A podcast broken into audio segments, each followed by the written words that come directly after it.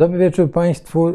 Ponownie Jerzy Marek Nowakowski ze Stowarzyszenia Euroatlantyckiego. I Piotr Szczepański z Fundacji Wspomagania Wsi. I Wszechnicy. Proszę Państwa, dzisiejszy tytuł, jaki sobie nada, nadaliśmy, właściwie nadałem nawet bez konsultacji, to wojna światowa coraz bliżej jest znakiem zapytania. Wiemy, wiemy co się dzieje, wiemy e, o tym przemówieniu Putina, wiemy o mobilizacji. To może... Więc ja mam poczucie, że rzeczywiście my się poczucie, bo, bo dowodów jest wciąż za mało, aczkolwiek coraz więcej niestety, że my się zbliżamy do jakiegoś wielkiego, globalnego albo grubo ponadregionalnego konfliktu. E, znaczy, jako historyk to ja się przyglądam tak temu, co się dzieje w świecie i sobie myślę, że właściwie bardzo podobnie wyglądał świat u progu I wojny no światowej. No właśnie, to aż się nasuwa, prawda? Wojna regionalna jedna, druga, potem, prawda, i nagle bum. Tak, tak? i nagle to się stoczyło w kierunku wojny światowej, więc y, ja się takiego konfliktu bardzo obawiam, a to, co zrobili Rosjanie, czyli ogłoszenie de facto powszechnej mobilizacji, bo jak przeczytamy ten dekret Putina, to on nic nie mówi o mobilizacji 300 tysięcy, to jest zapowiedź Szojgu nie mówi o mobilizacji miliona, on mówi o mechanizmach mobilizacji powszechnej de facto. E, więc e, pytanie nie jest, czy to jest powszechna mobilizacja w Rosji.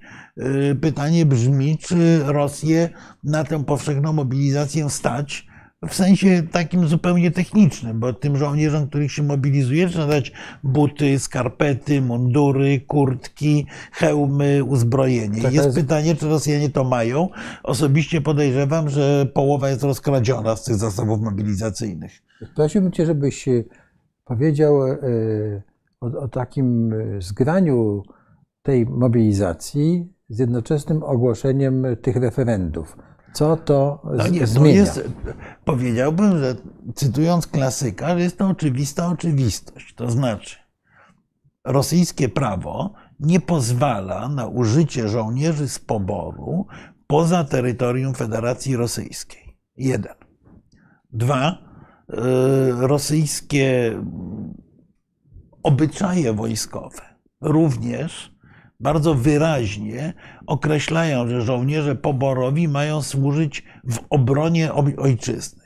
Referenda, które Rosjanie ogłosili, referenda z wielkim, wielkim cudzysłowem, bo oczywiście to no żadne no jasne, referenda nie są, y, y, są y, po to, żeby usprawiedliwić użycie tych żołnierzy z poboru na terytorium obcego państwa, jakim jest Ukraina. Czyli krótko mówiąc, ogłaszamy, że jakiś teren jest nasz, no to Rosjanie yy, zamierzają przeprowadzić referenda w czterech obwodach. Żadnego z nich, nawet ługańskiego, nie, ma, nie opanowali w całości. A oczywiście ogłoszą, że całe te obwody wchodzą do, do terytorium rosyjskiego, mhm. czyli oznacza to również, że usprawiedliwiają agresję. No i ostatnia rzecz, w propagandzie wewnątrzrosyjskiej tu nawet nie mówi się w ogóle o specjalnej operacji, o wojnie z Ukrainą. Tu się mówi o wojnie z Zachodem. O wojnie z NATO, o wojnie z, ze Stanami Zjednoczonymi. Po to są mobilizowani ci żołnierze. To oczywiście niektórzy komentatorzy robią sobie kpiny, że Rosji nie wypada przegrywać z małą Ukrainą, tylko, hmm. tylko z Zachodem, ale, ale mówiąc serio, to jest w świetle tego pytania, które sobie zadawaliśmy jako tytuł naszego spotkania.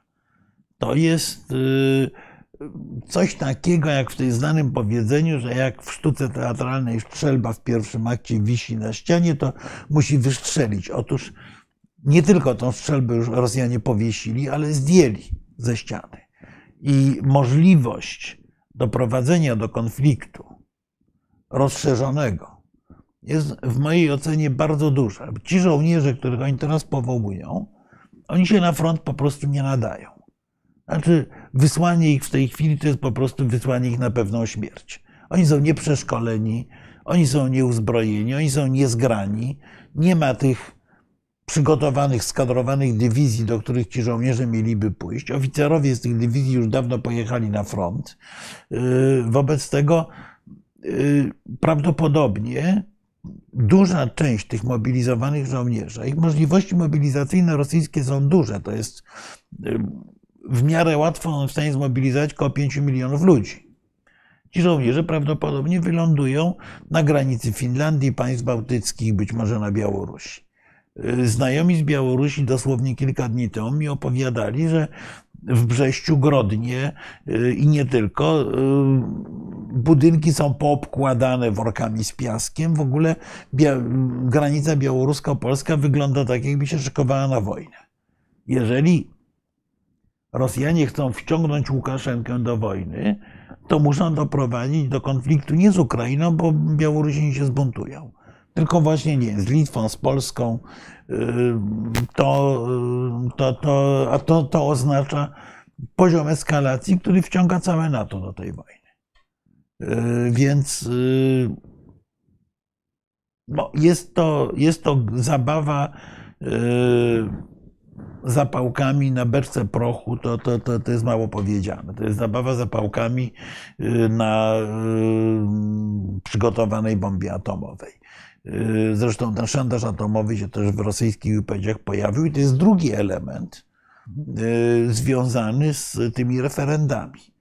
Otóż doktryna wojskowa rosyjska mówi, że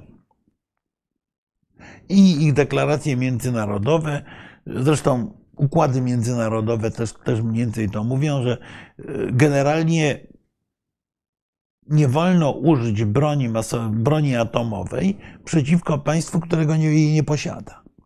Więc jeżeli toczymy wojnę z Ukrainą, to zgodnie z tymi zapisami przeróżnych, jeszcze czasami obowiązujących traktatów, tej broni atomowej użyć nie możemy. Ale jeżeli bronimy terytorium Federacji Rosyjskiej, to już możemy, grozi nam utrata części terytorium. Zgodnie z doktryną możemy użyć broni masowego rażenia.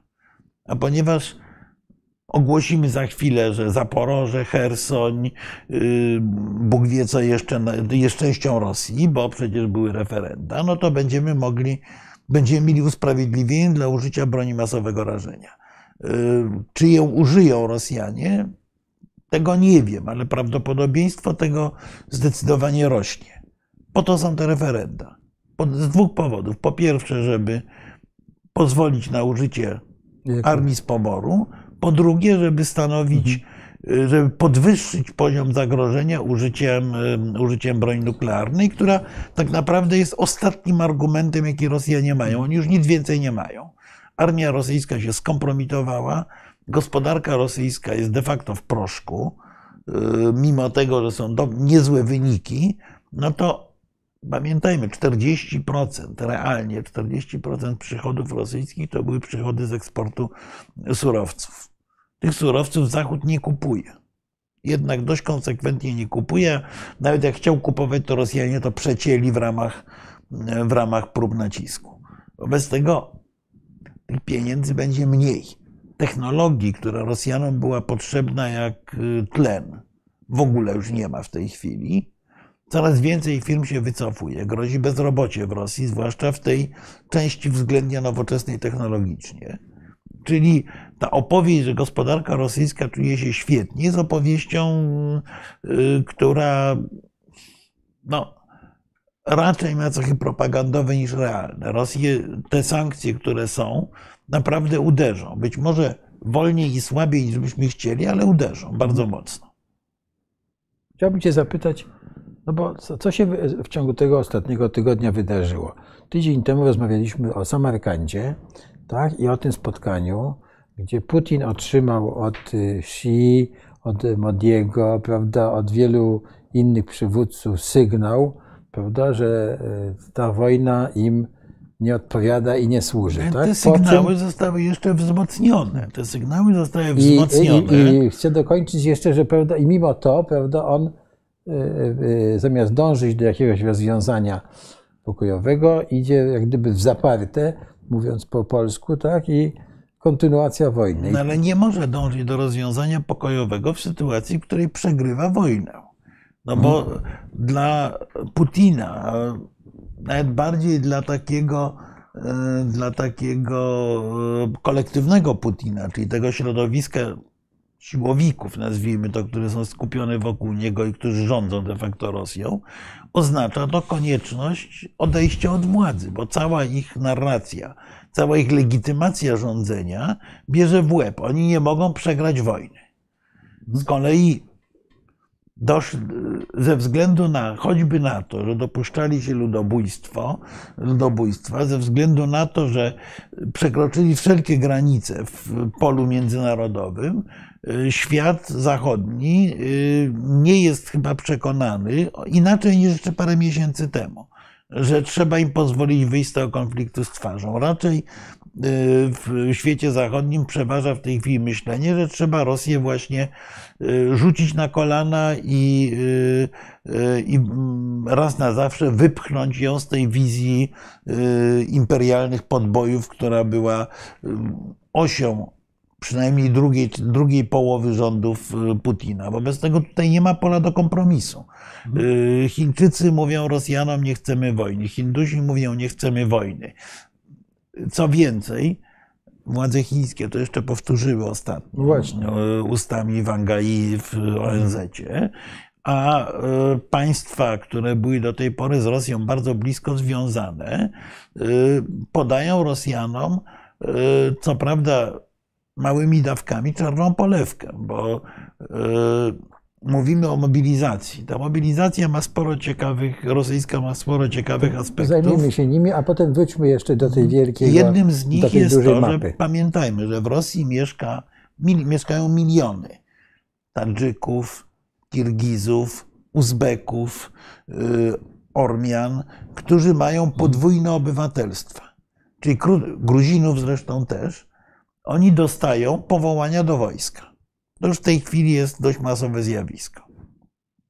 I co robią władze niesłychanie zaprzyjaźnionych z Rosją Tadżykistanu i Uzbekistanu, zwłaszcza Tadżykistanu. Przypominam, że y, w czasie ostatniej wyprawy do Kaliningradu, o której mówiliśmy, y, Putina, towarzyszył mu prezydent Tadżykistanu. O czym w Polsce się w ogóle nie mówiło, nie wiem dlaczego, ale się nie mówiło. Otóż Tadżykistan i Uzbekistan oficjalnie poinformowały swoich obywateli, że służba w obcej armii jest przestępstwem. Ale mamy całą dużą grupę obywateli, którzy mają po dwa paszporty. I oni dostali rosyjskie powołania do wojska, ale jednocześnie mają paszport tadżycki. Tam jest sytuacja o tyle skomplikowana, że większość tych republik, e, tych państw e, nie pozwala na podwójne obywatelstwo nie pozwala, ale tak jak u nas było do niedawna, je toleruje. Natomiast Rosja pozwala na podwójne obywatelstwo. Było mnóstwo. Pamiętajmy, że Tadżykistan w ogóle się że Tadżykistan się w ogóle yy, utrzymuje de facto z pieniędzy, które obywatele Tadżykistanu przysyłają z Rosji. To jest grubo ponad 40% tadżyckiego PKB. Mhm. Otóż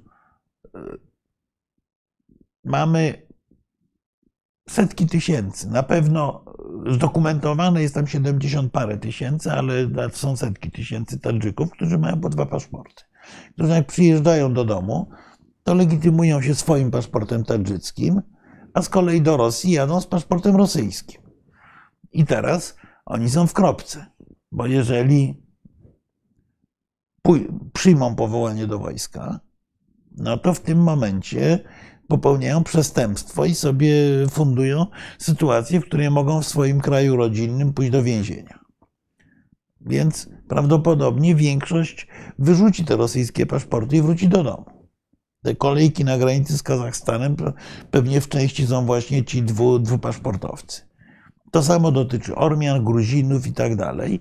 Y, więcej, wielki mufti Uzbekistanu wydał fatwę, która zabrania muzułmanom e, służby w wojsku rosyjskim w wojnie z Ukrainą.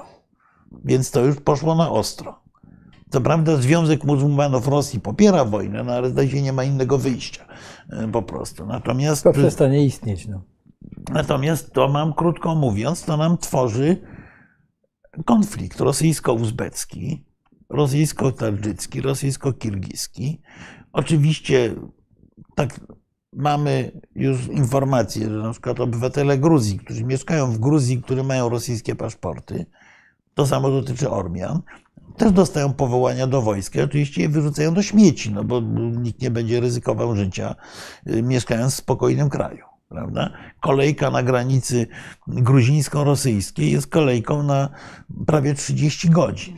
Najprawdopodobniej, według informacji, które mamy z Rosji, y, y, jutro zostanie wydany, są zamknięte granice rosyjskie. Znaczy, wracamy do czasów komuny, kiedy trzeba będzie mieć coś, co w Rosji nazwano wizą wyjazdową.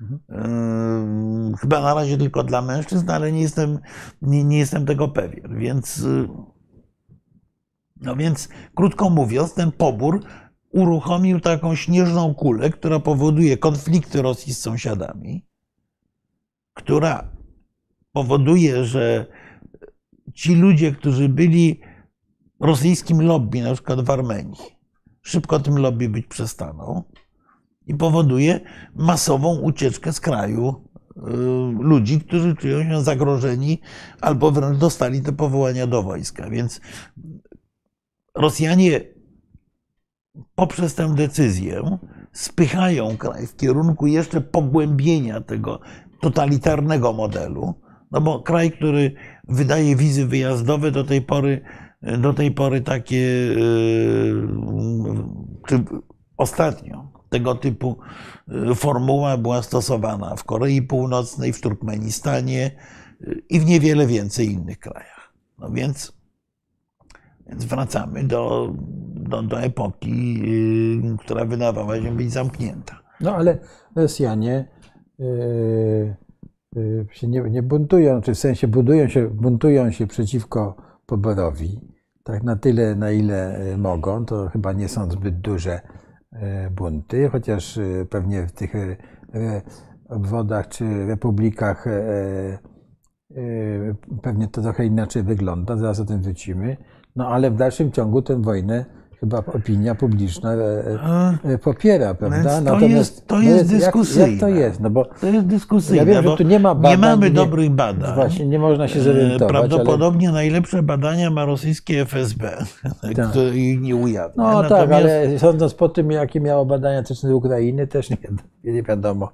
To prawda. Natomiast y, mam, y, mam wrażenie, że to poparcie dla wojny gwałtownie spada gwałtownie spada z paru powodów, nie tylko z powodu poboru, ale również z tego powodu, że no, miała to być y, operacja specjalna, gdzie Rosjan witają kwiatami i tak. przepędzamy faszystów i wracamy na y, stare rosyjskie ziemie z Kijowem i Odessą na czele.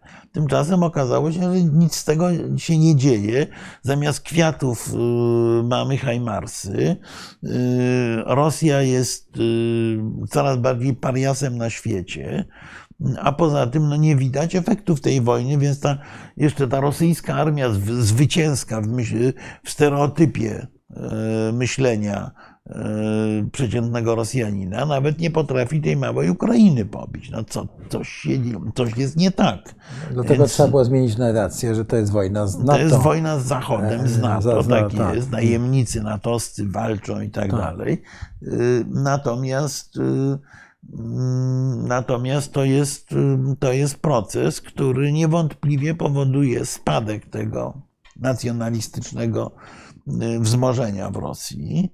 E, wyraźnie widać na przykład z tych badań, które są, że e, pokolenie poniżej 30 lat, jak mówię, z tego nawet, tak. co jest publikowane, jest przeciwne wojnie w większości.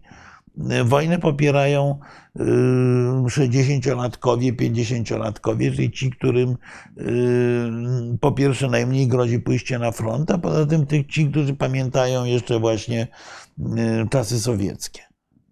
Więc Myślę, że, że to poparcie, że raczej jest to bierność społeczeństwa rosyjskiego niż y, entuzjastyczne poparcie dla, niż entuzjastyczne poparcie dla wojny. To jest. Zresztą no, widać to po, po tych nieszczęśnikach, którzy z Rosji uciekają. To pojawiły się zdjęcia w sieci samochodów z, z, odklejoną, ale tak nie do końca. Widać wyraźnie ślad po tej zetce na samochodzie.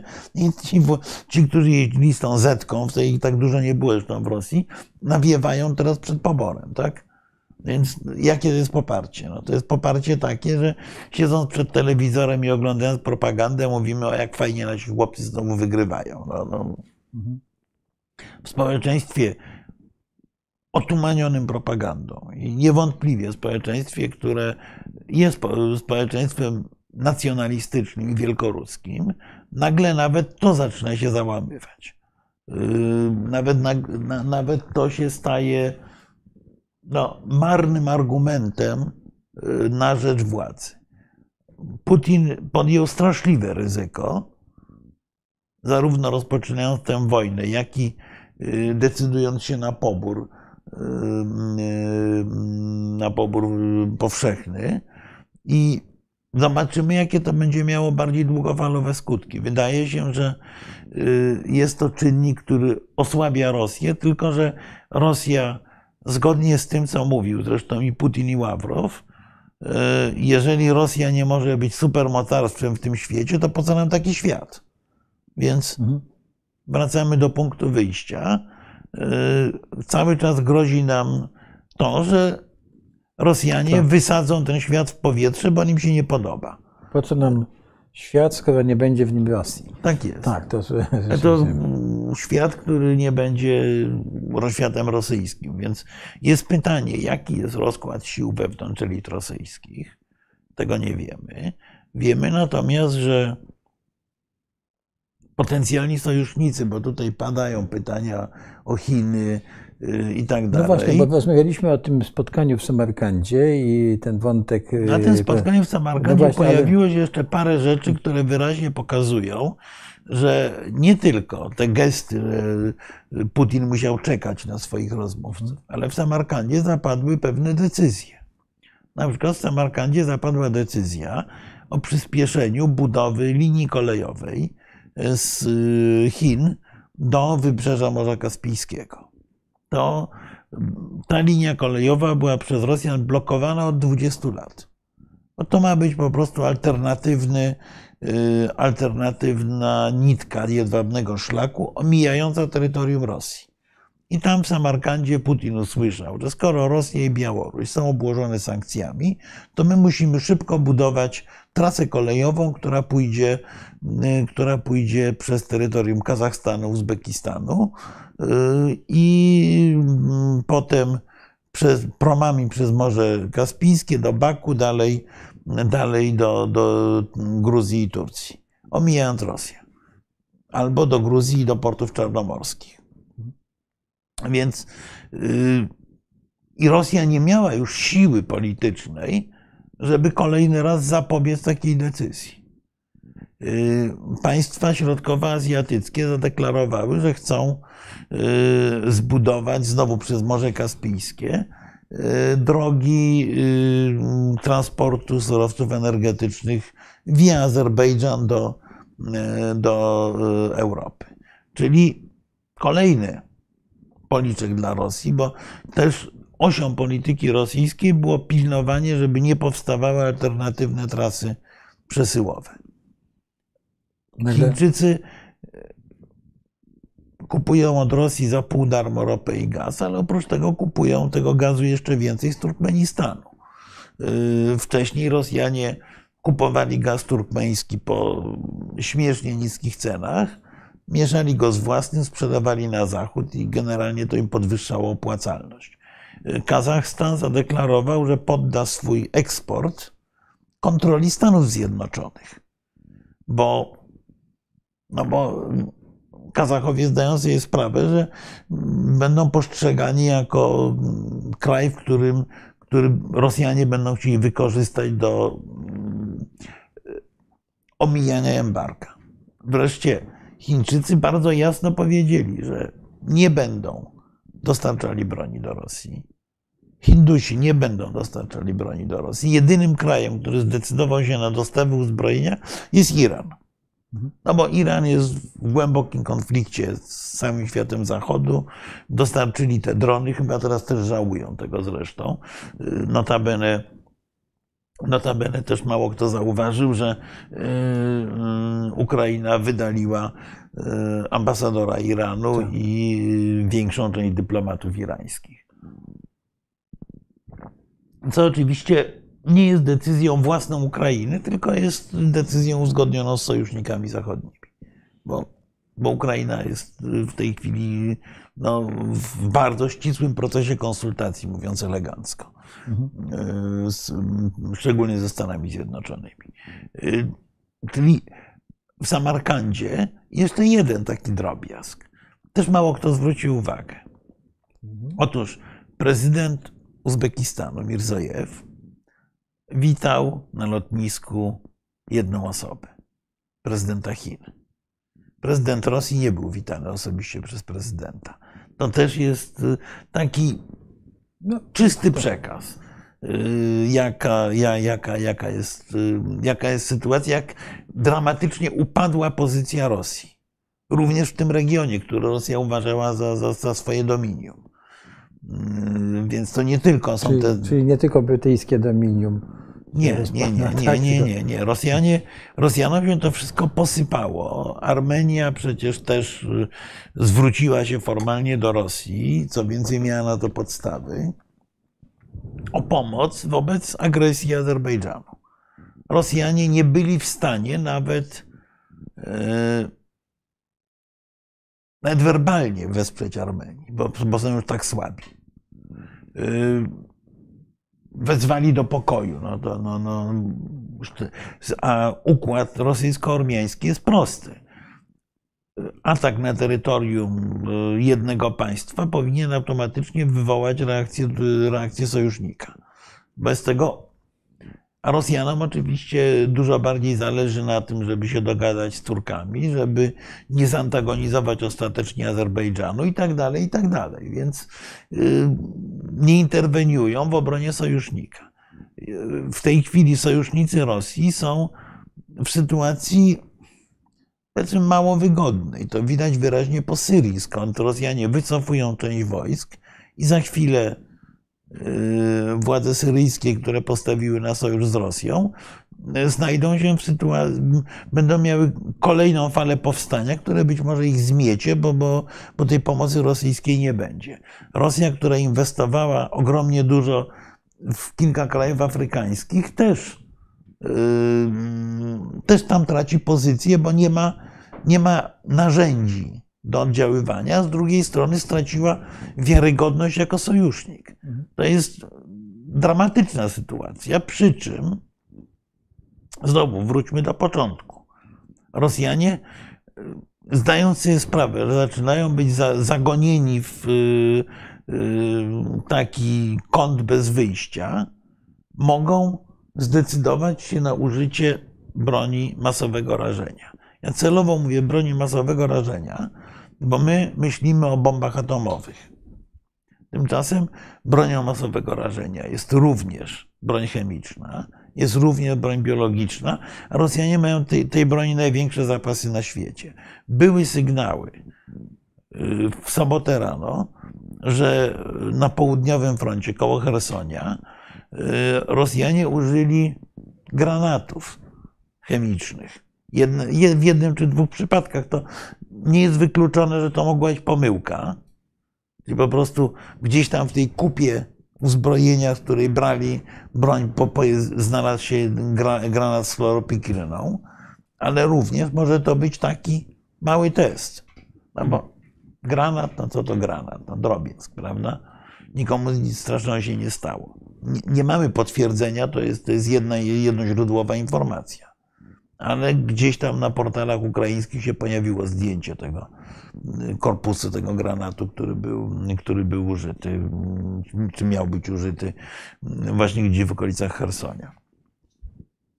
Więc może to oznaczać tyle, że Rosjanie będą próbowali te, wydłużyć tę drabinę eskalacyjną. Wydłużyć w ten sposób, że właśnie najpierw użyć broni chemicznej, spróbować użyć broni biologicznej, y, podwyższyć poziom zagrożenia elektrowni atomowych, jeszcze nie rzucać tej bomby, bo zdają sobie sprawę, że y, użycie broni atomowej to jest no właśnie wypale, odpalenie tej strzelby, którą się zdjęło, zdjęło ze ściany. Teraz to odpalenie tej strzelby co może oznaczać? Może oznaczać dwie rzeczy może oznaczać, że świat wpadnie w przerażenie, pewnie parę rządów wpadnie w przerażenie, a może oznaczać, że Rosja stanie przed dylematem. To, co mówił generał Hodges. Jeżeli Rosja użyje broni atomowej, no to my zatopimy w ciągu 15 minut flotę czarnomorską w całości. My to znaczy kto? Amerykanie. Bo Prawdopodobnie użycie broni atomowej spowodowałoby bezpośrednie zaangażowanie któregoś z krajów NATO, albo Stanów Zjednoczonych, albo Wielkiej Brytanii w konflikcie. Mhm. No i wtedy Rosjanom pozostaje ostatnia opcja, czyli nacisnąć czerwony guzik i zniszczyć świat. Mhm. Czy się na to zdecydują? Wątpliwe, no ale, ale ta perspektywa jest chyba bliższa niż kiedykolwiek od, y, od czasów kryzysu kubańskiego albo nawet dłużej. Tak. Słuchaj, to teraz spójrzmy jeszcze na wielką mapę i na Chiny. Tam e, zbliża się już w zasadzie na dniach, tygodniach będzie ten zjazd tak, no dzisiaj, dzisiaj i, czytałem i, ale, portale ale chińskie, zapytać, Chińczycy ogłosili... Czy sytuacja w Rosji wpływa jakoś na to, co się może zadziać? Ale bardzo wpływa. No dzisiaj, to prawda, dzisiaj właśnie a propos zjazdu, y, dosłownie trzy godziny temu Chińczycy ogłosili na swoich oficjalnych portalach, że wreszcie zakończył się z sukcesem oczywiście, bo inaczej nie mógł, proces wybierania delegatów na zjazd partii. To jest pierwszy news w CCTV. Y, natomiast y, dwie rzeczy. Jedna. Y, wojna Rosji, rosyjska znacząco osłabia pozycję Xi Jinpinga. Dlaczego? Dlatego, że Chińczycy byli mistrzami takiej rozgrywki na granicy konfliktu wokół Tajwanu. Posuwali się krok po kroku, w gruncie rzeczy chcąc ten Tajwan pochłonąć ekonomicznie, bez użycia broni, ale cały czas eskalowali napięcie, że oni mogą doprowadzić do wojny. Skądinąd ja uważam, że część przynajmniej establishmenta amerykańskiego pcha Chińczyków do wojny, mhm. uważając, że to jest ten moment, w którym, e, w którym jeszcze tę wojnę Stany Zjednoczone wygrają. No ale, ale w każdym razie ta dyp gra dyplomatyczno-wojenna prowadzona przez Chiny została nagle sfalsyfikowana przez Rosjan. Dlaczego? Ano z dwóch powodów, bo z jednej strony Chiny straszyły niedźwiedziem, czyli ten alians rosyjsko-chiński y, prezentowany na zewnątrz jako niezłomny sojusz, niezłomna współpraca i tak dalej. Rządzenie świata. Miał, y, miał zastraszać potencjalnych przeciwników, no bo Armia rosyjska jest potężna, w razie czego y, nie można wykluczyć, że się włączy do konfliktu i tak dalej, i tak dalej. Otóż okazało się, że armia rosyjska jest nic nie warta. Ale więcej. Skoro armia rosyjska jest mało warta, to armia chińska, która bazuje na rosyjskim sprzęcie i rosyjskiej doktrynie wojennej, no, może nie jest taka groźna, jakby nam się wydawało. Tak w tej chwili myśli bardzo wielu partnerów i strategów ze świata. Przewaliła się dzisiaj przez, y, wczoraj i dzisiaj przez różne portale internetowe y, informacja, że w Chinach doszło do zamachu stanu, że Xi Jinping gdzieś zaniknął, że jest chory, a może nie jest chory, a może jest w areszcie domowym. To dziesiątki y, tego typu postów się pojawiły. Nawet pojawiło się, że już y, generał Li Xiaoming zastąpi Xi Jinpinga, że on zostanie usunięty. Były jakaś wielokrotnie powtarzana informacja, nie sprawdziłem, więc z ryzykiem, że powtarzam fake newsa, że w Chinach odwołano ponad połowę lotów y, cywilnych, y, że wstrzymano szybkie pociągi chińskie i tak dalej, i tak dalej. E, taki były chiński reporter śledczy Zhao Lanjian, e, który uciekł z Chin w lipcu, e, napisał, że skoro organy, organy kontroli ruchu lotniczego są kontrolowane przez wojsko, no to znaczy, że to wojsko gdzieś tam interweniowało. W dużych agencjach newsowych to się nie potwierdza, nie potwierdza tak. ale z tego co wiemy, te informacje wyszły z dwóch źródeł. Wyszły z Indii przede wszystkim. Mhm. Okazuje się, że y, początek, początek tego, te, te, tej burzy y, jest w Indiach i były multiplikowane w Rosji. Czyli krótko mówiąc, ci dwaj potężni sąsiedzi Chin prawdopodobnie uczestniczą w jakiejś kampanii fake newsowej, która ma osłabić Xi. No bo sama dyskusja o tym, że Xi siedzi w areszcie domowym, a on się nie pojawia, prawdopodobnie nie pojawia się zresztą ze względu na, na yy, przepisy chińskie, bo on wrócił tak, yy, z Samarkandy i ma obowiązek poddać się kwarantannie. No ale Xi i ministra, i jego dość jego bliskiego sojusznika ministra obrony nie było na przykład na posiedzeniu Komitetu Spraw Wojskowych KCKPH. No też to oczywiście spowodowało jakiś alarm badaczy y, sytuacji chińskiej, a Chiny niestety są jak takie czarna skrzynka, są kompletnie nieprzejrzyste te układy wewnątrz chińskich elit władzy, wobec tego jesteśmy skazani na tego typu, na tego typu dyskusje. Tylko co to oznacza? To oznacza, że ta mocarstwowość chińska, ten pomysł Xi Jinpinga na wykreowanie Chin na drugi biegun światowy jest wyraźnie e, stawiana pod znakiem zapytania. Również przez sąsiadów. E, no skutek, no bo, tej, skutek tej wojny, tak? No bo znaczy... wskutek tej wojny okazuje się, że ten, chiński smog nie, jest, nie, nie zionie aż takim strasznym ogniem, jakby się wydawało co oczywiście może prowadzić znowu, wracając do samego początku naszej rozmowy, do efektu paradoksalnego, ponieważ władze chińskie być może będą zmuszone udowodnić, że one są jednak tym groźnym smokiem, czyli eskalować napięcie. Mhm. Czyli albo uderzyć na Tajwan, albo markować uderzenie na Tajwan, albo y, podwyższać ten próg napięcia, co jak mówię, dla przynajmniej części elity amerykańskiej jest wygodne, bo Amerykanie wpadli na dość prosty pomysł.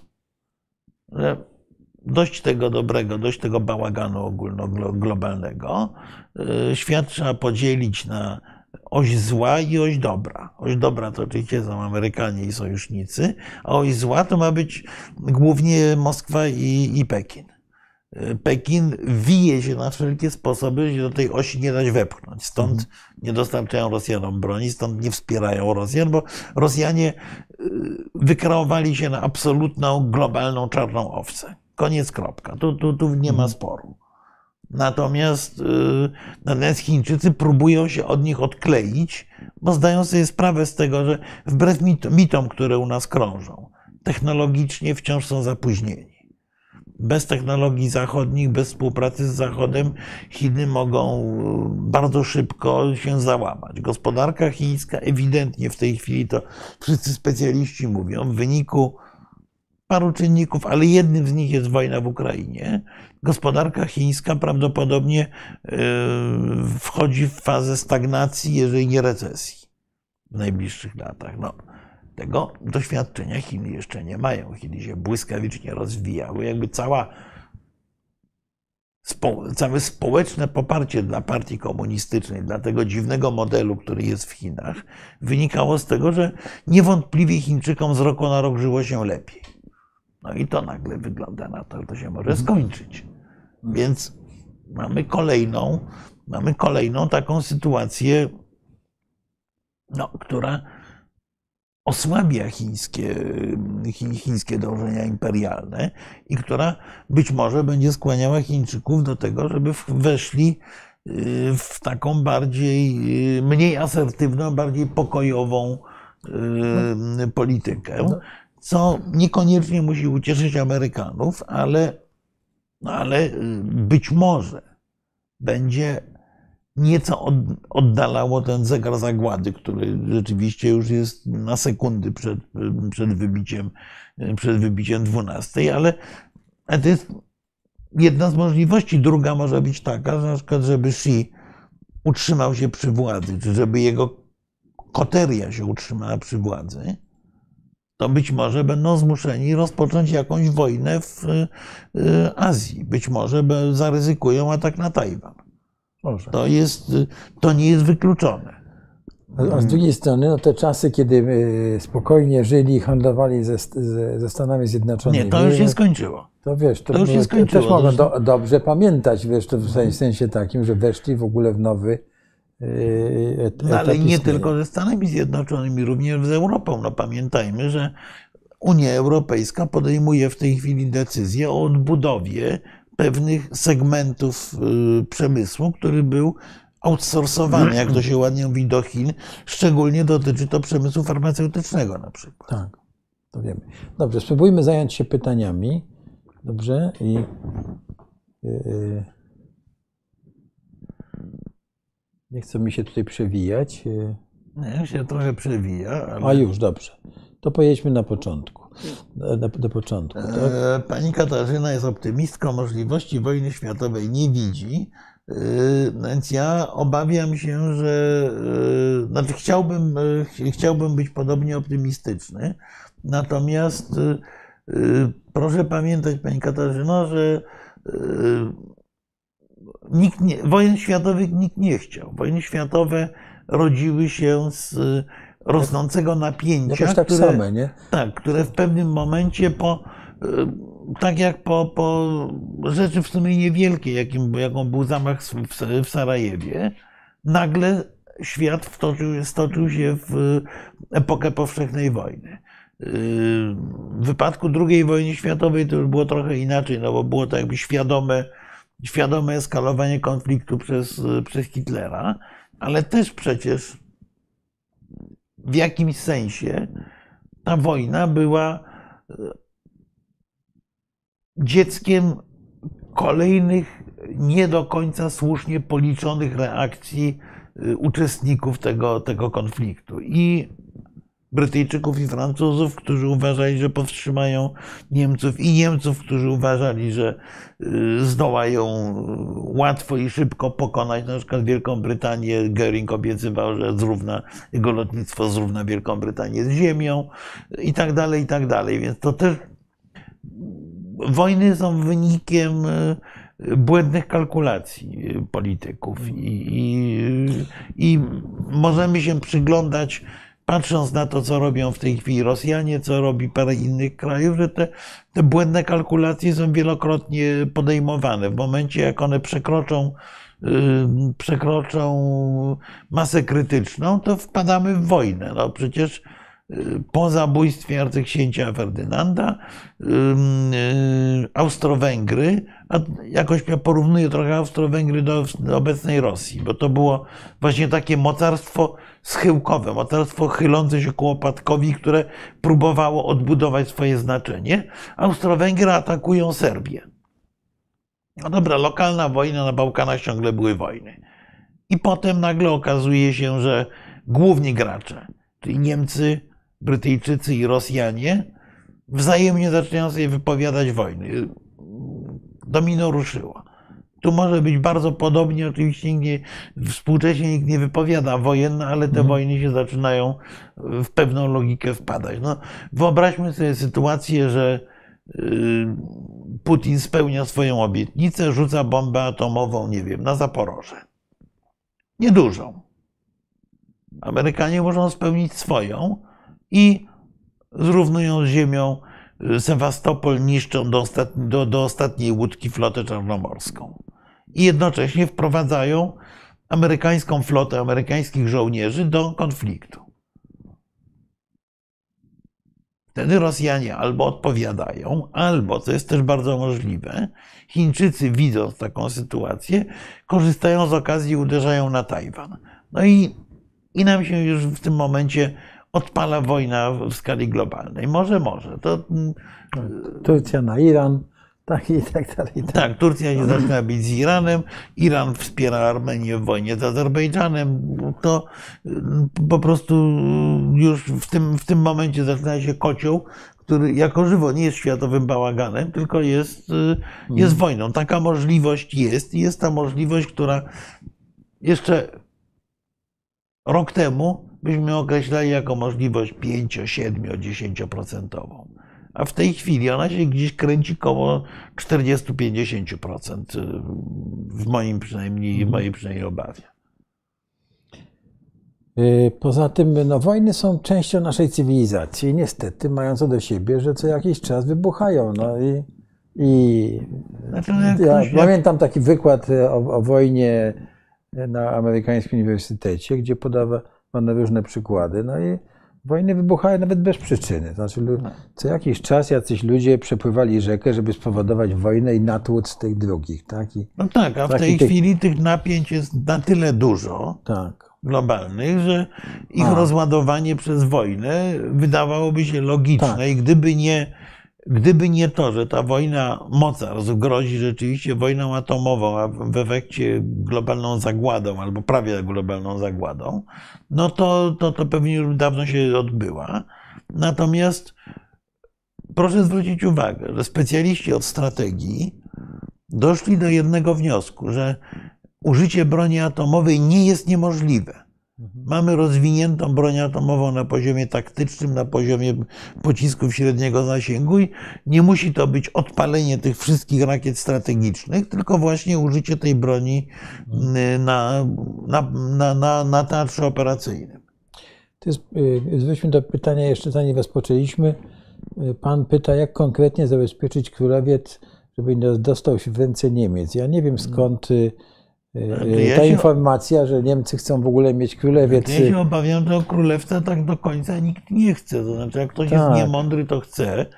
Y, Królewiec po, po wejściu Szwecji i Finlandii do NATO staje się papierowym tygrysem. Królewiec Tak. był dla Rosjan rzeczywiście takim y, niezatapialnym lotniskowcem, z którego mieli zaatakować Zachód. Tak. Tylko kraje bałtyckie i Polska są członkami NATO, a w momencie, kiedy i Szwedzi i Finowie weszli do NATO, no to właściwie nie ma sposobu na spokojny tranzyt do Kaliningradu. Tak, a poza tym Więc Kaliningrad raczej jest w tej chwili czynnikiem defensywnym niż ofensywnym. Jest obszarem zdemolowanym, jest obszarem zamieszkałym przez bardzo szczególną grupę Rosjan, bo to jest ogromnej części to są emeryci wojskowi. Yy, No i no jak ktoś co- weźmie, to albo musi ich wytruć, albo musi wziąć ich na utrzymanie. tak, To po prostu nie ma żadnego sensu. Więc, Także y, nie wiem skąd się bierze. angażowanie się w Kaliningrad w tej chwili byłoby czymś niesłychanie kosztownym, a my mamy, my, w sensie cały świat zachodni, mamy przed sobą perspektywę ładowania gigantycznych pieniędzy. Oczywiście z nadzieją zysku, ale po pewnym czasie ładowania gigantycznych pieniędzy w odbudowę Ukrainy. Już naprawdę na, na rewitalizację Kaliningradu by po prostu nie starczyło. Także nie wiem skąd się biorą te takie wiesz, po- pomysły ciągle Niemcy, Kaliningrad y, i No tak bo, dalej. e, To jest jakaś, to jest jakaś ulubione- opcja, ulubiony konik chyba tych. Nie, to jest w ogóle ulubione myślenie takie kategoriami XIX-wiecznymi tutaj. y, Trochę ten błąd popełniają Rosjanie.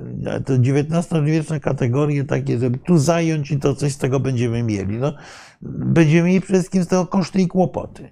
Y, W sensie strategicznym Kaliningrad był ogromnym zagrożeniem. W tej chwili jest zagrożeniem dużo mniejszym, a jeżeli nam się uda zbudować sensowną natowską współpracę na obszarze Morza Bałtyckiego, to się zamieni w papierowego tygrysa i będzie kłopotem dla Rosjan tylko. Pan Arkadiusz nas, nas pyta, właściwie Ciebie pyta, ile w ocenie mogą ugrać Ławrow i Putin stosując tę bezprecedensową no, dyplomację atomową. No to jest ostatni. No to ona jest to tak, jest nastawiona ich... jest na to, żeby nas straszyć, zdezintegrować Europę. Oczywiście. Ale nie, to jest ostatni argument, że Rosja jest mocarstwem, no bo y, Rosjanie mieli cztery argumenty. E, jeden terytorium, no mają to terytorium, ale, to terytorium jest e, w tej chwili częściej kłopotem niż, e, niż sukcesem. Drugim elementem była, było to, że Rosja jest niezbędnym czynnikiem gospodarki światowej jako dostawca surowców. No już nie, okazuje się, że nie jest. Trzecim argumentem było to, że Rosja ma potężną drugą, a może nawet pierwszą armię świata i może interweniować w różnych miejscach na, na, na, na globie. No, y, Ukraina udowodniła, że y, armia rosyjska jest y, w ogromnej części, w ogromnej części kompletnie niesprawna i na pewno nie może interweniować. I mhm. argument czwarty to było to, że Rosja jest wielkim mocarstwem atomowym, że obok Stanów Zjednoczonych jest jedynym krajem, który może tej broni atomowej użyć. No i ponieważ te wcześniejsze argumenty diabli wzięli, no to dyplomacja atomowa jest ostatnim, co Rosji zostało, żeby móc siedzieć przy tym stole, gdzie zapadają, stole mocarstw, stole, gdzie, przy którym zapadają decyzje globalne. I Rosjanie używają tego argumentu, bo nie mają innych po prostu. No gdyby, gdyby mieli gospodarkę wielkości chińskiej, czy soft power równie skuteczną jak amerykańska bądź indyjska, to by ich używali, ale ich nie mają. Ten argument atomowy jest ostatnim, który Rosjanom mhm. został. Zresztą, prawdę mówiąc, ja uważam, że to jest jedyny powód, dla którego Chińczycy nie odetną się od Rosji całkowicie.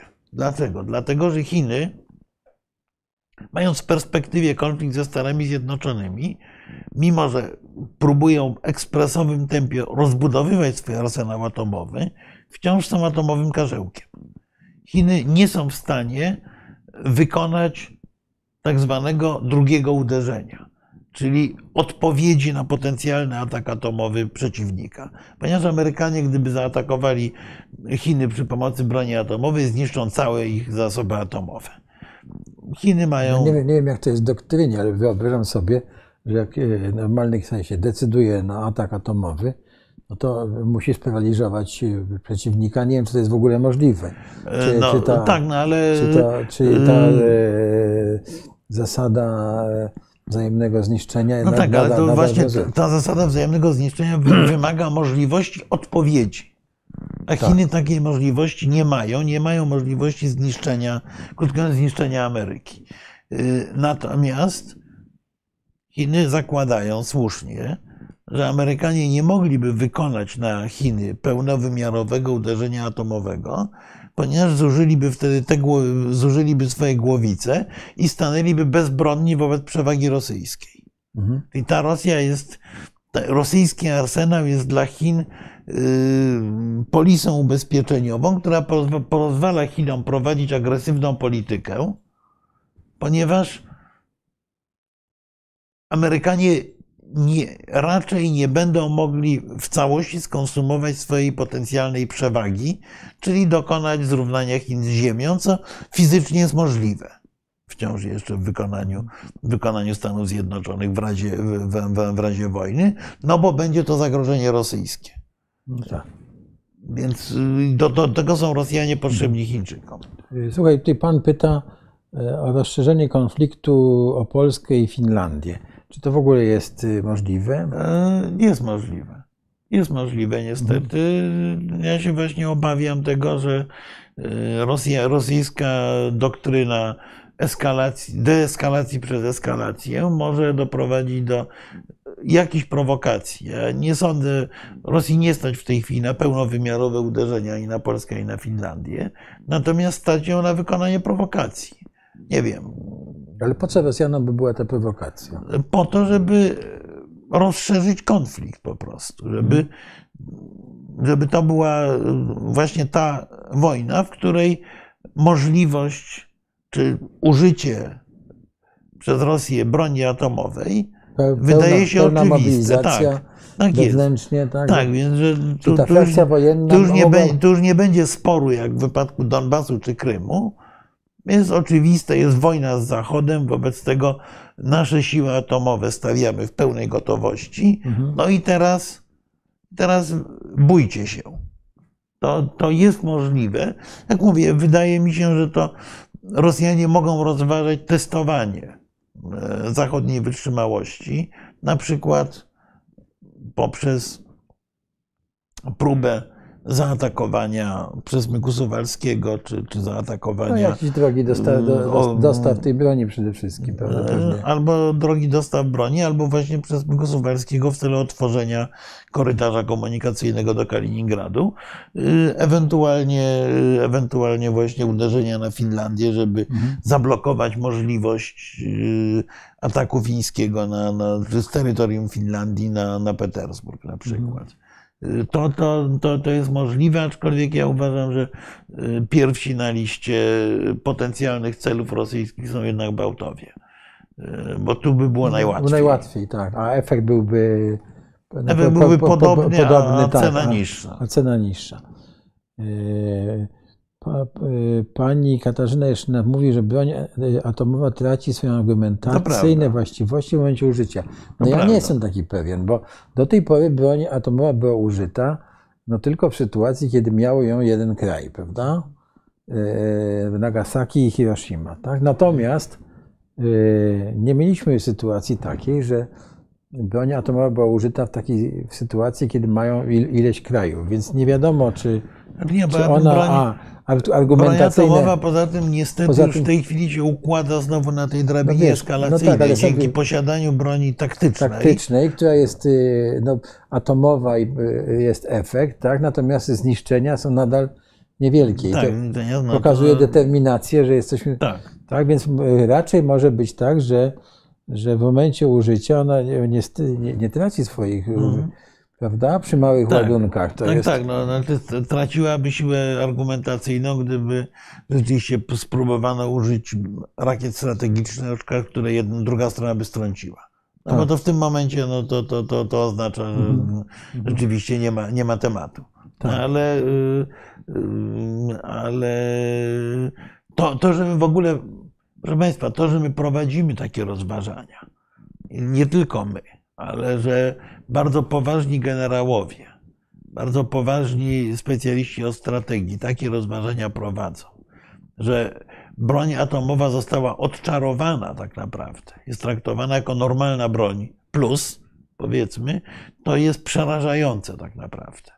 Bo to oznacza, że prędzej czy później ona będzie użyta. Jest pytanie, gdzie i przez kogo. Jeżeli przez tych małych, tak jak Pakistan, tam Francja, yy, gdzieś by użyły tej broni, to jest pół biedy, no bo oczywiście ci, którzy mają największe zasoby, natychmiast ich mogą zdyscyplinować.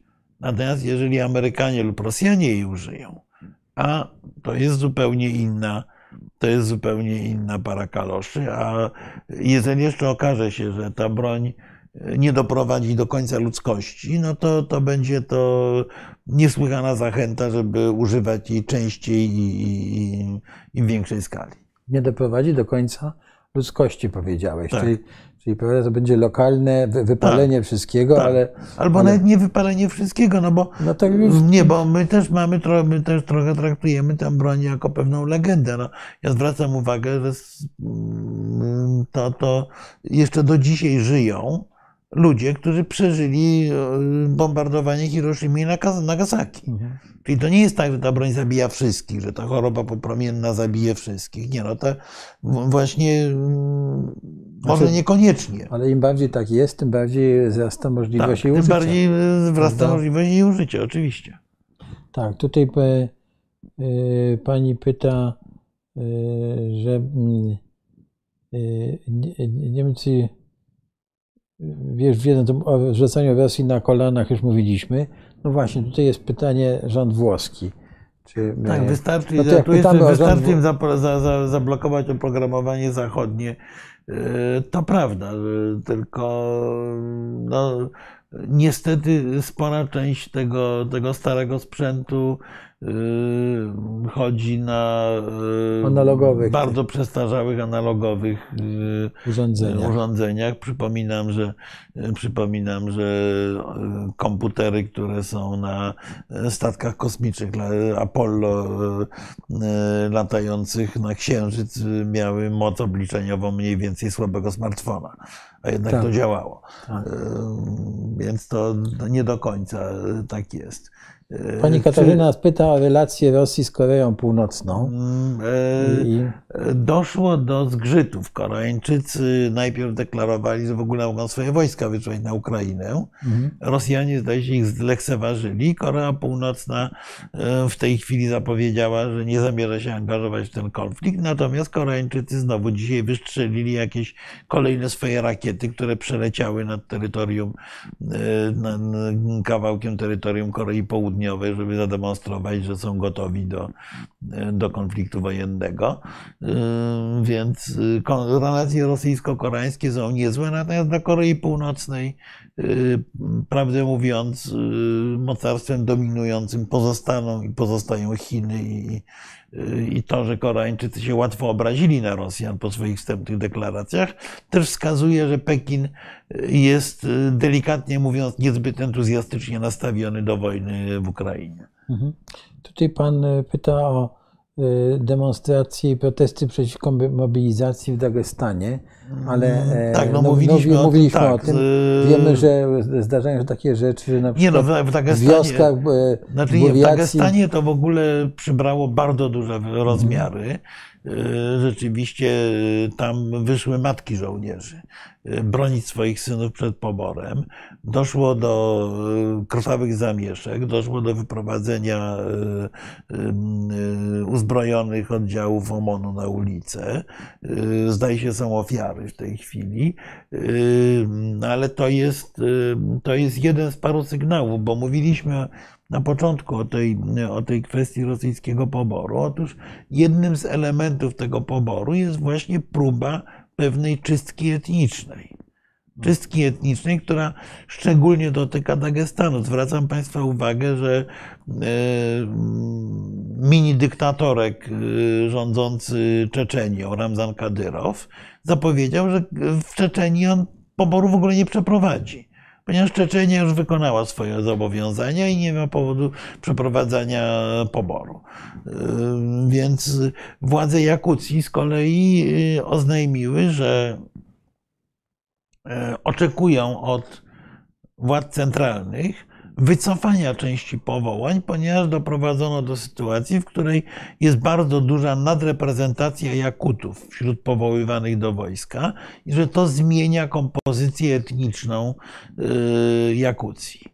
A Jakucja jest ogromnym źródłem y, surowców dla, dla Rosji. Wobec tego pełne lekceważenie Jakutów jest szkodliwe. Niewątpliwie y, Jakutów, Burjatów powołano mnożnikowo więcej niż etnicznych Rosjan.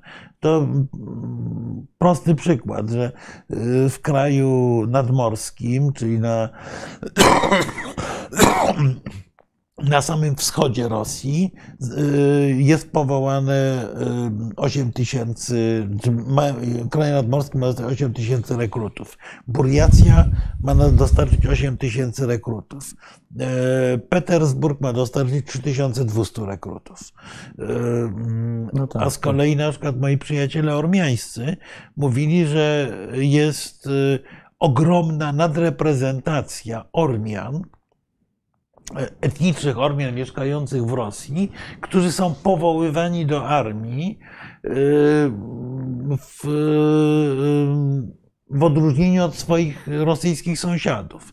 Czyli krótko mówiąc, ja bym powiedział, że to jest być może ukryty cel, czy jeden z ukrytych celów y, tej, tego, tej operacji poborowej, to jest do, dokonanie korekty etnicznej, tak żeby, tak żeby No, to- żadna republika nie mogła za, nie, nie miała y, takiej masy krytycznej y, własnej narodowości. Tych republik jest w końcu sporo y, i też przecież takim klasycznym sygnałem jest powoływanie, co w ogóle jest skandalem w świetle prawa międzynarodowego, ale dość masowe powoływanie w tej chwili Tatarów krymskich do armii rosyjskiej, no bo Krym jest obszarem okupowanym, natomiast Rosjanie uważają, że to część Rosji. Wobec tego wysyłają Tatarom krymskim powołania, przy czym właśnie znowu to jest tak, że Tatarzy dostają prawie wszyscy, a ich rosyjscy sąsiedzi nie, niektórzy. Yy, więc ten pobór służy również władzom rosyjskim do pewnego, do, do, do, do, do pewnej, yy, mówiąc bardzo elegancko, korekty yy, kompozycji etnicznej poszczególnych republik. Niewątpliwie, niewątpliwie więcej tych powołań trafia zdecydowanie więcej tych powołań trafia w, ręce, nie Rosjan niż Rosjan etnicznych. Moskwa, która jest, no, stanowi okolicami, stanowi mniej więcej 10% ludności Federacji Rosyjskiej, ma dostarczyć, o ile pamiętam, 13 tysięcy rekrutów. E, czyli niewiele więcej niż dwa razy tyle, co mm, niewielka buriacja. To, to, to wyraźnie wskazuje na, na to, jak, jak, jak, wyglądają te, jak wyglądają te decyzje dotyczące dotyczące powołań. Przy czym pamiętajmy, że ta fala może być pierwszą z kilku fal e, wcielania do armii i zobaczymy, jak to będzie wyglądało.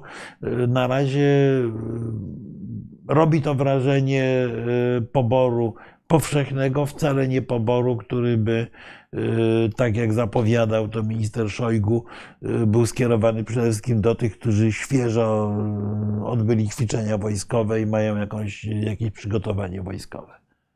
Wiesz, jak o, tym mówisz, to y, chyba podobna polityka była prowadzona w Armii Czerwonej w czasie wojny, że do Armii Czerwonej powoływano dużo, nie wiem, Ukraińców, Białorusinów. Y, no, ogromny, i, ogromna, ogromna, ogromna tak, ilość Ormian również. Ormian, a, a oszczędzano Rosjan. Czy, czy mylę, czy mm, tak było? Trochę tak, trochę tak. No, przy czym to, tam były, to było tak masowe, że oczywiście tam większość stanowili Rosjanie. No, mhm. Armia Czerwona to było ponad 20 milionów ludzi w pewnym no tak. pod bronią. Mhm.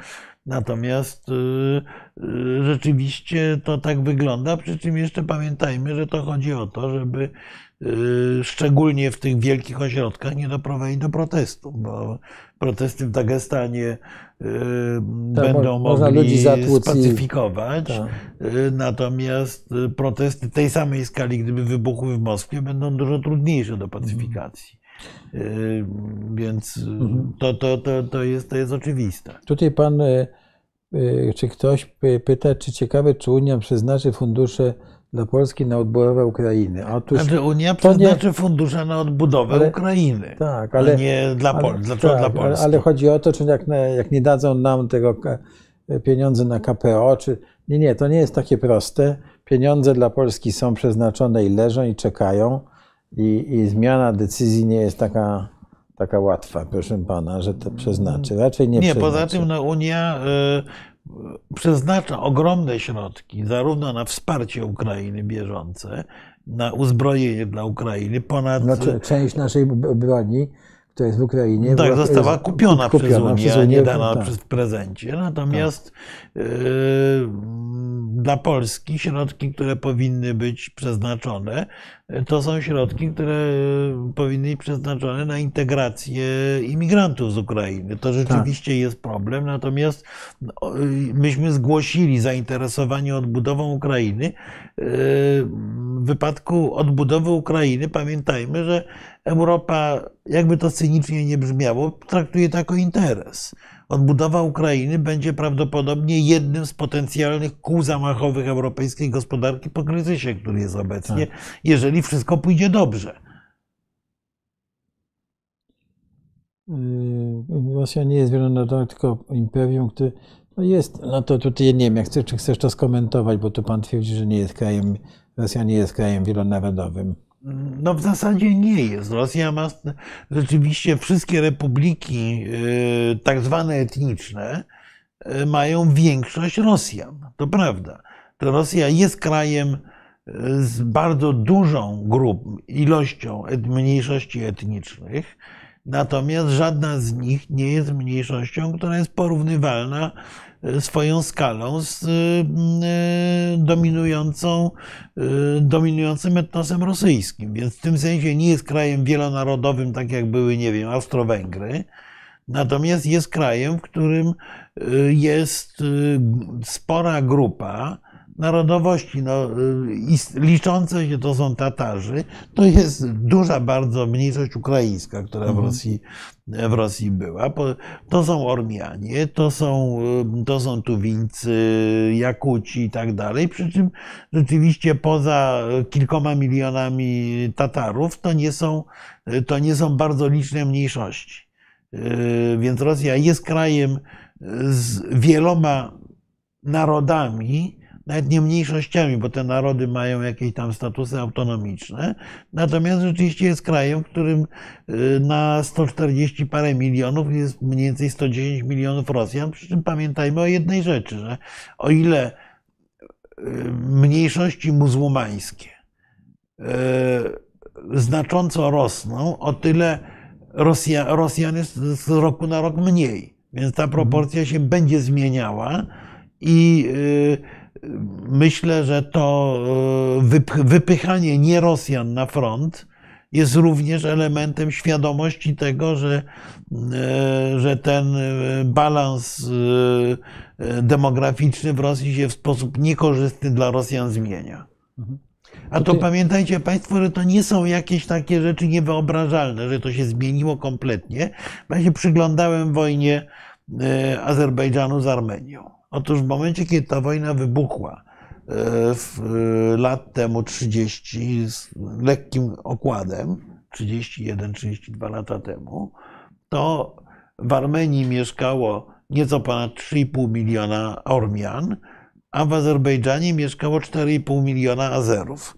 W tej chwili Armenia to jest e, optymistycznie licząc nieco poniżej 3 milionów, realnie bliżej 2 Azerbejdżan to jest ponad 10 milionów. Czyli e, jakby mówimy, tendencja mówimy demograficzna. O. Tak, tendencja demograficzna w ciągu jednego pokolenia kompletnie zmieniła balans sił pomiędzy tymi, e, tymi dwoma krajami. E, podobne procesy, które zachodzą w Rosji, też wskazują, że koło roku 2050 Rosjanie nagle, Rosja nagle może stać się naprawdę krajem wielonarodowym. No tak, ale czysto, ta korekta etniczna za pomocą poboru ma troszkę e, tę sytuację poprawić. Tak? No, e, z punktu widzenia Rosjan. Tak. Tu jest ciekawe pytanie, moim zdaniem ciekawe. E, niech Ukraina otworzy dla wszystkich granice, to zobaczymy, ilu tam jest chętnych do opuszczenia kraju.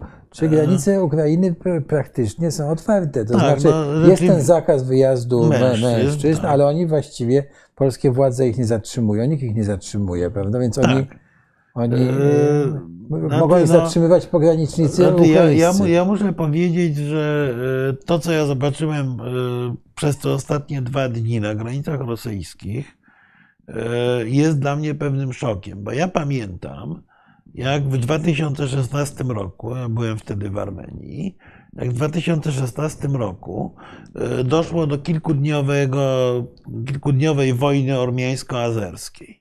I w ciągu paru dni były wykupione wszystkie bilety. Ale nie z Armenii, tylko do Armenii z Moskwy, z Warszawy, z Frankfurtu, z, y, wszędzie były, z Teheranu były, nie można było kupić biletu do Armenii, bo Ormianie wracali bronić ojczyzny. Mhm. E, w wypadku Ukrainy tu, ja tu czuję taką pewną złośliwość. Tak, tym, tak, tak. E, w, w wypadku Ukrainy mhm. przypominam, że my mamy w Polsce na przykład kryzys na rynku logistyki, między innymi pół dlatego, miliona. że y, ukraińscy obywatele, którzy pracowali tu jako kierowcy w dużej części, wrócili do domu bronić ojczyzny. Nikt ich nie zmuszał, nie było siły, która by ich zmusiła do wyjazdu. Mogli tu tak. zostać, tak? No, na, na jak długo im starczy tego, że tak powiem, e, no znużenie wojną jest też takim zjawiskiem e, No jest, ale na razie, na tak? razie w Ukrainie jest bardziej entuzjazm zwycięstwa niż znużenie wojną. Tak. Y, Na razie, y, podobnie jak w Izraelu, y, pójście na front, y, włożenie munduru jest czymś niesłychanie prestiżowym. Y, Więc y, myślę, że, że to, to nie jest celny strzał. Oczywiście są pewnie tacy, którzy chcą uciec Tak, no, i, nie służyć wszędzie, wojsku, tak. ale oni są y, w zdecydowanej, w zdecydowanej mniejszości. No, wie, proszę popatrzeć na Izrael. Tam karierę buduje się na sieci kolegów z wojska. I y, zresztą Ukraińcy mówią, że oni przyszłość swojego kraju widzą podobnie jak Izraela, czyli kraju no, bardzo mocno zmilitaryzowanego, bo nie liczą na to, że Rosja zniknie. A jeżeli Rosja nie zniknie, to będzie cały czas zagrożeniem dla Ukrainy. Wiesz, e, mówimy tutaj o przyszłości, a e, nie lubię tego, e, e, przepowiedni, no bo tylko można to tak, tak ująć, ale swoją drogą to ciekawe, wiesz, jak to się skończy dla, dla Ukrainy. Ja odnoszę No, wrażenie... wszyscy specjaliści Tak. mówią, że ta wojna jest wojną na e, lata, jeżeli nie na pokolenia. Jest to konflikt, który po prostu trwale będzie ciążył nad, nad naszym regionem Europy. Jest to bardzo możliwe, o ile Mhm. Rosja się gwał- gwałtownie nie zmieni, a szczerze no, takich perspektyw gwałtownej zmiany, bardzo gwałtownej zmiany nie widać. Mhm. No, Rosja jest mocarstwem, ostatnie mocarstwo kolonialne, zgadza, zgodzimy się z tym? Mm, W jakimś sensie tak. Znaczy Rosjanie się zachowują tak jak, tak jak e, nie wiem, prawda, by, Brytyjczycy 100 lat temu, a nawet teraz jak się znajdą w, e, w krajach, do których uciekli, tak? I, Tak. e, tu nie, nie mam, bo jeszcze mamy panią Katarzynę. Aha, w zachodnich bankach leży zamrożone kilkaset miliardów rosyjskich e, środków. I te, i te mm, pomału te środki zaczną przepływać, głównie na, na wsparcie Ukrainy, bo, bo już w tej chwili widać, no, yy, u nas oczywiście jest, zresztą część z Państwa też, te, te, też w ten ton wpada takie pokpiwanie z Niemiec, tylko przypominam, że Niemcy na przykład znacjonalizowali w tej chwili firmę, która pracowała razem z Gazpromem, największą firmę dostaw gazu, że Niemcy y, znacjonalizowali majątek Rosniewci i tak dalej, i tak dalej, więc, Mhm. y, więc pomału ten, po, po, ponieważ ta wojna jest potwornie kosztowna również dla, dla nas w sensie świata zachodniego, prawdopodobnie taka operacja przesuwania tych zamrożonych środków rosyjskich będzie następowała i, i, y, i no jakoś to, to będzie, ma to posłużyć finansowaniu i odbudowy Ukrainy, a wcześniej obrony Ukrainy. Tak, narody Polski, kiedy wyjdziemy na ulicę, że my już wojny nie chcemy. My wojny nie chcemy, tylko nie wiadomo, czy wojna o tym wie, że my jej nie chcemy, bo to jest, proszę pana, tak, że niestety. Nie, ale ja rozumiem, że pan Jacek sugeruje, że mamy wyjść, że nie chcemy tej wojny w Ukrainie. No tak, no, rozumiem, że y, jak wyjdziemy ulicę, Rosjanie się wycofają, tak? tak, a poza tym do domu. E, Poza tym e, to z tą wojną to jest tak jak z polityką, wie pan, bo e, czasami się ludzie mówią, mnie polityka nie interesuje, no więc odpowiedź prosta jest taka, że jak ciebie polityka nie interesuje, to polityka zainteresuje się tobą. Tak. Więc z wojną jest podobnie. Nam grozi w tej chwili wojna. Nie dlatego, że my prowadzimy taką czy inną politykę, tylko dlatego, że nasi, em, jeden z naszych sąsiadów prowadzi politykę głębokiego rewizjonizmu przy użyciu środków militarnych. Wobec tego e, to nie jest kwestia, że mamy wyjść na ulicę, że nie chcemy wojny, bo my, nikt, nikt wojny nie chce w Polsce rzeczywiście. Natomiast, e, żeby, woj, żeby wojny nie było, to trzeba być do tej wojny przygotowanym. A my jesteśmy przygotowani bardzo średnio i powinniśmy sporo wysiłku włożyć, żeby być przygotowanymi do tej wojny. Tak, więc tutaj odpowiadając na, drugie, na drugi komentarz pana Jacka, mówimy, prawda, że y, pchają nas na siłę w stronę wojny, czy nikt nie widzi. No, my powinniśmy być, być przygotowani na wojnę, żeby jej uniknąć. To niestety tak to działa. Panie Jac- Jacku, y, słuchaj, może byśmy jeszcze na chwilę wrócili. Tu- Aha, tu jest jeszcze komentarz. Ukraińcy z każdej strony wyszarpali nie swoje ziemie i dzisiaj to im się odbija. No to jest dość, do, do, do, Ryzykowna dość teza. ryzykowna teza, ponieważ y, niektórzy z kolei specjaliści twierdzą, że na przykład obszary wokół Rostowa nad Donem w Rosji to są dawne ziemie kozackie. No, Tak, ale, ale jak y, przyjrzymy się ostatnim, y, nie wiem, 50 latom, tak, to tak, Ukraina była Republiką Radziecką, Tak. to miała podmiotowość międzynarodową, bo przecież Tak. była członkiem e, ONZ-u. Tak. Tak, wszyscy te, e, te granice jej były, były, że tak powiem, ustalone. O wiele lepiej były ustalone niż te granice, które są gdzieś tam w Dagestanie e, czy, gdzie, czy gdzie indziej, więc, y, więc y, nie wiem na jakiej podstawie jest ta, ta teza. Tak, Więc, no to Ukraińcy w ogóle bardzo niewiele mogli wyszarpywać, bo byli pod y, dominacją, pod butem y, sowieckim. Sowieckim to w dużym stopniu znaczyło od pewnego momentu rosyjskim, bo, Tak. bo, bo mm, Ukraińcy byli raczej nie, niefaworyzowaną nacją w Związku Sowieckim. Tutaj pan y, Lesz, Łukasz pisze OPO po 3,5 tysiąca, ja zarabiam 4 No tak, no tysiące. to, to jest... Ale to proszę pana, no to, tak powiem, proszę pytać, y, jak Proszę ten pan od, y, od papryki, jak żyć, panie premierze, tak. tak, no to co rządzących, może panie którzy e, zachowali się niespecjalnie mądrze w paru, pa- w paru punktach tej polityki energetycznej, no ale to jakby nie, niekoniecznie jest temat naszej debaty. No, e,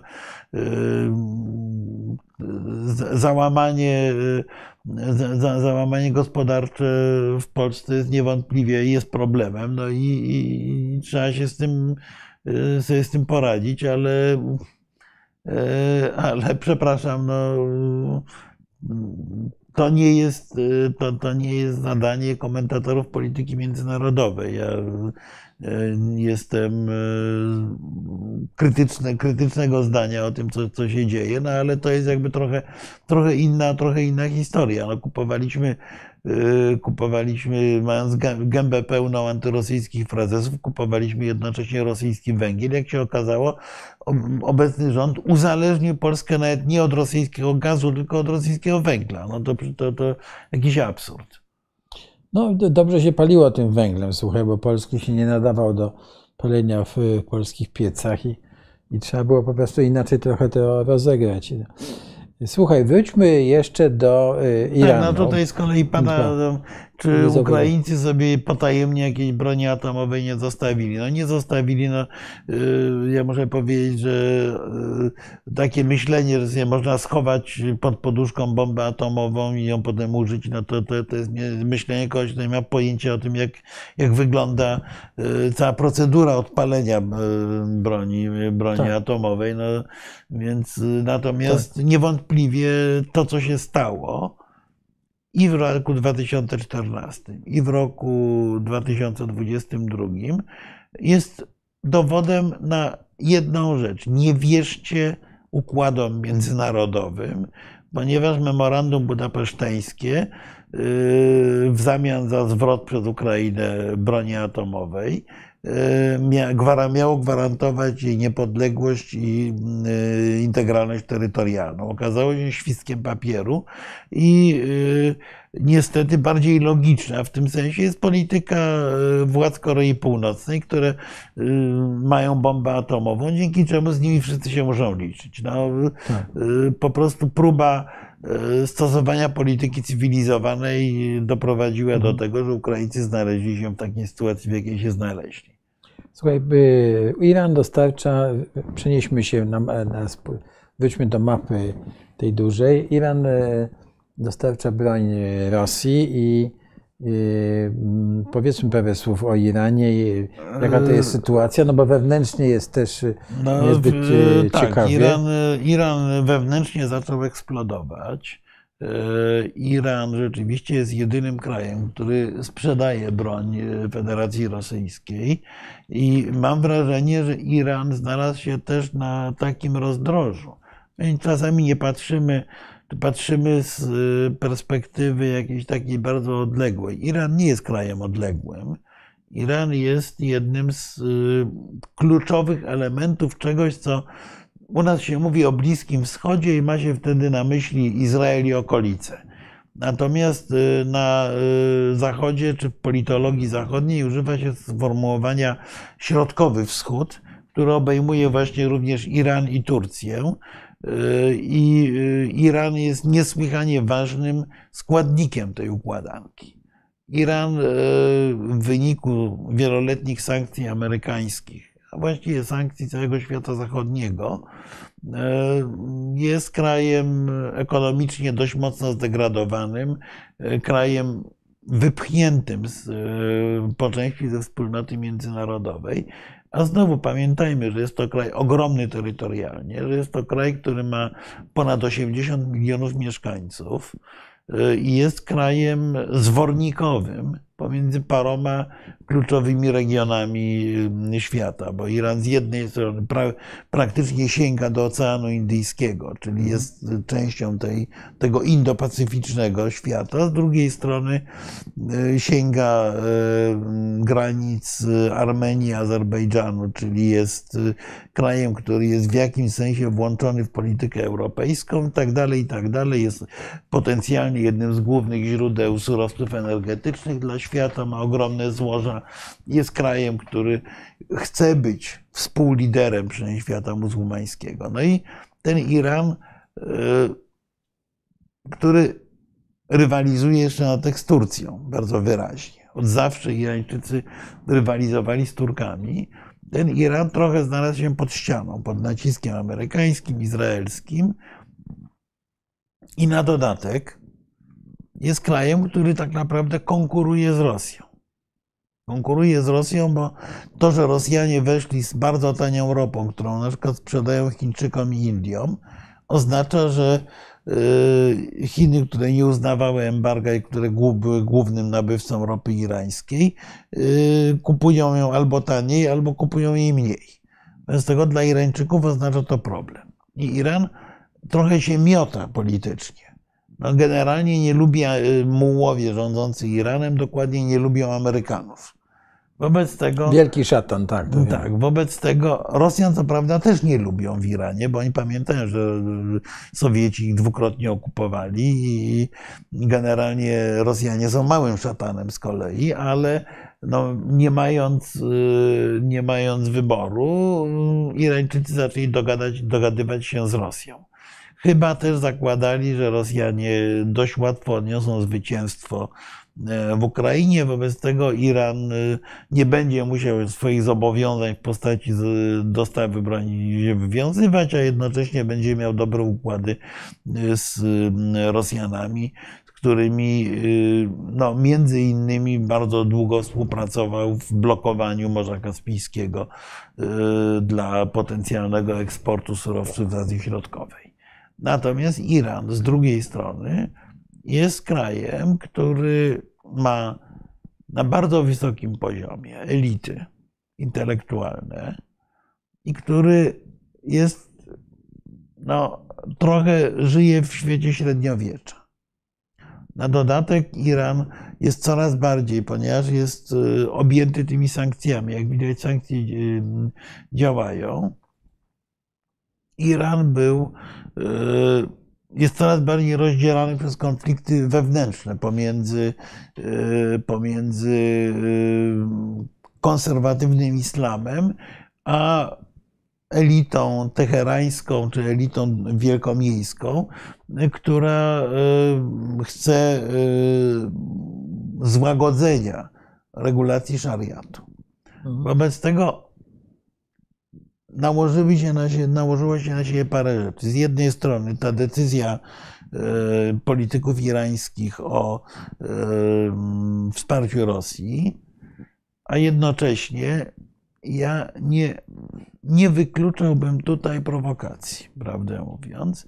Jednocześnie sytuacja, w której, e, w której dziewczyna Masza Amini zostaje prawdopodobnie, bo my nie wiemy tego do końca, jak to wyglądało, pobita przez y, policję obyczajową, mhm. czy policję religijną, za to, że y, miała za słabo zakryte włosy, umiera, po czym w całym kraju detonuje to falę ogromnych demonstracji.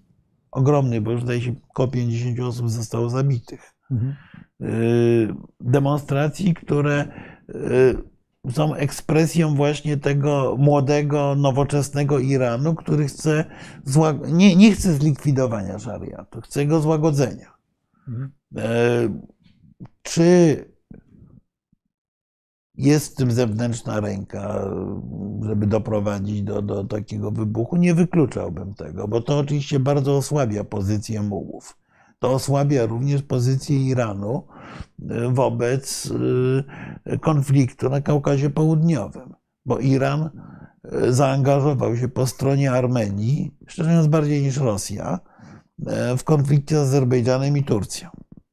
Wspierając. Bardziej niż Rosja? Tak, tak, tak. No Irańczycy wprost zapowiedzieli, że nie będą tolerowali zmian granic, że będą wspierali Armenię e, w ochronie integralności terytorialnej i tak dalej, i tak dalej. E, e, Iran wprost nie wyraził zgody, na co Rosjanie się po cichu zgadzali na stworzenie takiego korytarza wzdłuż granicy irańskiej mhm. łączącego enklawę Nachiczewania z Azerbejdżanem. Irańczycy powiedzieli: Nie, nie zgadzamy się na to. Chcemy mieć swobodną komunikację z naszym sąsiadem. Mhm. Iran jest kolejnym, kolejną alternatywą, e, alternatywną częścią nowego jedwabnego szlaku. Bo Chińczycy również rozważali tranzyt przez terytorium Iranu, Armenii, Gruzji do Morza Czarnego. Właśnie, żeby z kolei ominąć, bo Chińczycy y, grają na kilku fortepianach. Z jednej strony, y, korzystając z państw y, turkojęzycznych, muzułmańskich Azji Środkowej, omijają Rosję, a z drugiej strony, korzystając z Iranu i z Iranu, Armenii i Gruzji, chcieli ominąć tą związaną z Turcją część sunnickich muzułmanów. Więc tu jest też element pewnej wspólnoty interesów stymulowanej z Chin pomiędzy Armenią i Iranem. Generalnie stosunki ormiańsko-irańskie były bardzo dobre, co najmniej. I Iran pozostaje w tej chwili potencjalnym, y, potencjalnym obrońcą Armenii ale również w ten konflikt ormiańsko-azerski zaczęli angażować się Amerykanie. Wizyta Nancy Pelosi, a wcześniej wizyta szefa CIA w Erywaniu no wskazywałyby na to, że Stany Zjednoczone y, chciałyby y, na Kaukazie Południowym odgrywać powiedzmy bardziej kreatywną rolę niż do tej pory. Inaczej mówiąc, zająć miejsce Rosji jako ten dawca pokoju. E, czyli mamy tutaj Rosję, mamy Iran, mamy Turcję, mamy Stany Zjednoczone. Wszystkich graczy, którzy chcą na tym Kaukazie Południowym też coś ugrać. I ja nie wykluczam, że ta fala demonstracji w jakiejś mierze była stymulowana e, przez, przez któregoś z partnerów zewnętrznych, żeby władze Iranu zamiast się angażować na zewnątrz, zarówno we wsparcie Rosji, jak i we, we, wsparcie Armenii, musiały się zająć pacyfikowaniem swoich y, obywateli, nie mówiąc o tym, że rzeczywiście no, y, w interesie większości świata zachodniego byłoby zastąpienie tego y, średniowiecznego trochę rządu irańskiego jakimś bardziej nowoczesnym. Mhm. i bardziej prozachodnim, bo y, przecież obok tych demonstracji, obok y, działania tej policji religijnej, tysiące kobiet w tej chwili palą te czadory, y, demonstrują, wspierają ich ich mężczyźni. A przy okazji doszło do takiego zabawnego incydentu, że bardzo konserwatywny prezydent Iranu miał udzielić wywiadu sieci CNN. CNN, tak, w ONZ. W ONZ. I wywiad miała przeprowadzać mająca irańskie korzenie, bardzo znana dziennikarka CNN, Christina Amanpour. Otóż do wywiadu nie doszło, ponieważ Irańczyk zażądał, żeby ona ubrała hijab. Ona powiedziała, żeby on się gonił, bo to, to są Stany Zjednoczone, a nie Iran.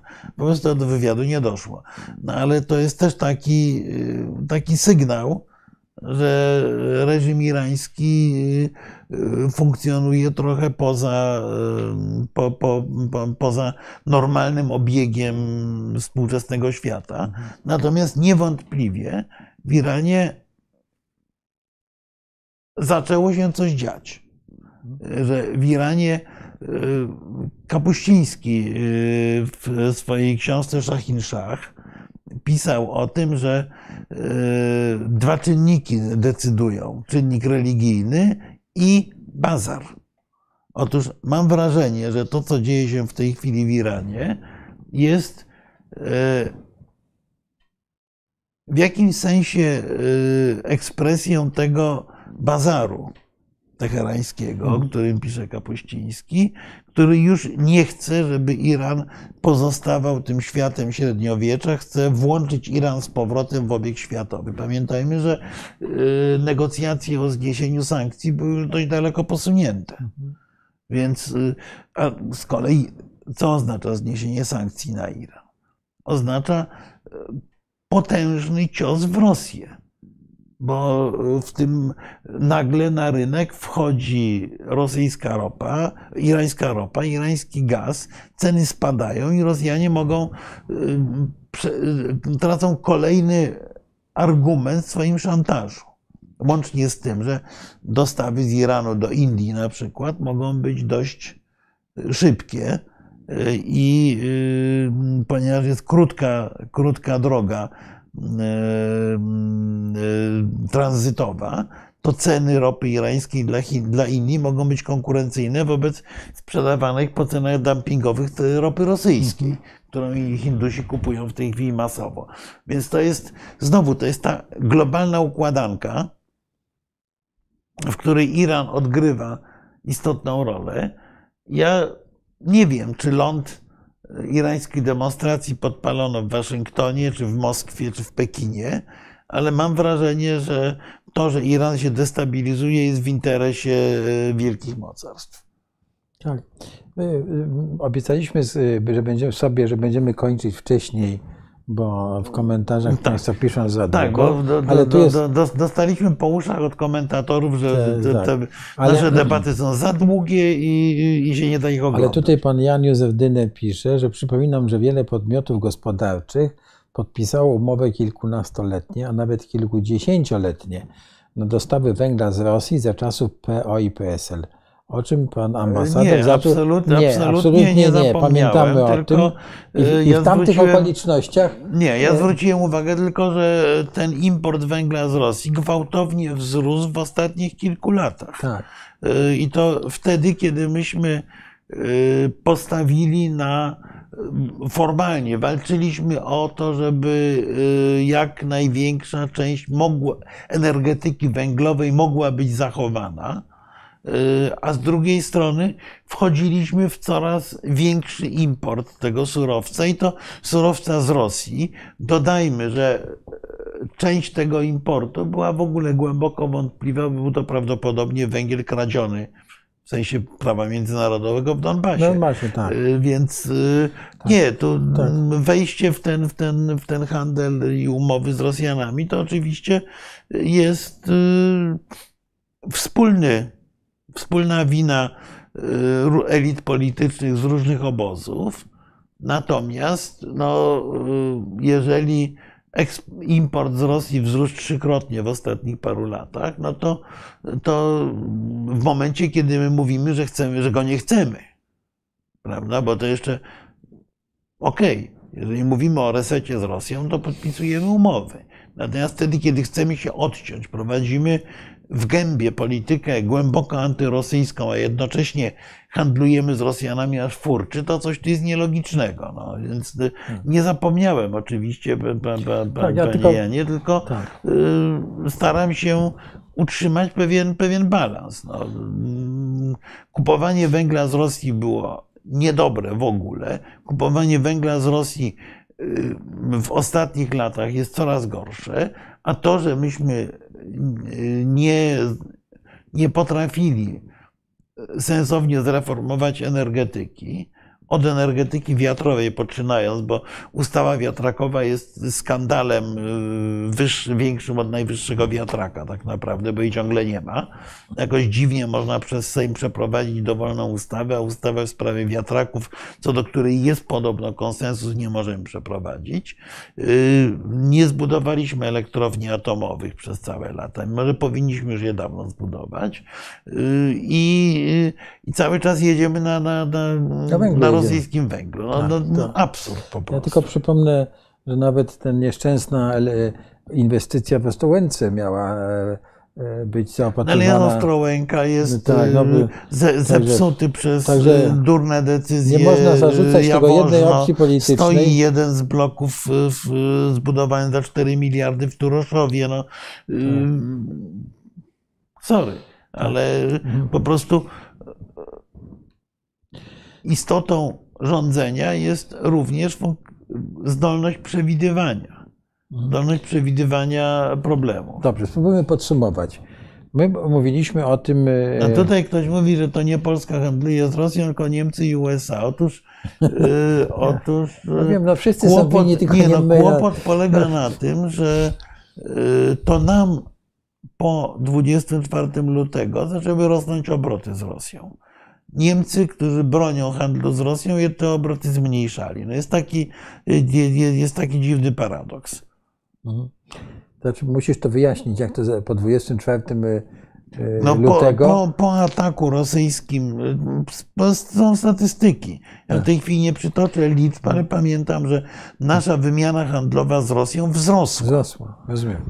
Y, Jak ogłosiliśmy sankcje na Białoruś i wsparcie dla białoruskiej opozycji, to na granicach po prostu kolejki tirów były, ta, handel z Białorusią był jak furczał też. Y, W wypadku Niemców z kolei Niemcy bronią handlu z Rosją, natomiast weszli w tej chwili w długoletnie kontrakty z Norwegami, schodzą z rosyjskiego gazu bardzo szybko, szybciej nawet niż zapowiadali, i handel niemiecko-rosyjski znacząco zmalał. No, takie są realia. Mhm. Dobrze, proszę Państwa i Marku, chyba musimy No tak, tu skończyć. mamy tych- jeszcze tak, tu mamy sporo tak. różnych y, No to proszę pytań. bardzo, to jeszcze. E, Spróbujmy mam- się skupić na tym, o co Państwo mówią. No tutaj Tak. y, y, nasz widz rzut oka, jedziemy na rosyjskim węglu, bo nas sprzedajemy do Niemiec za grosze. No, nie tylko do Niemiec.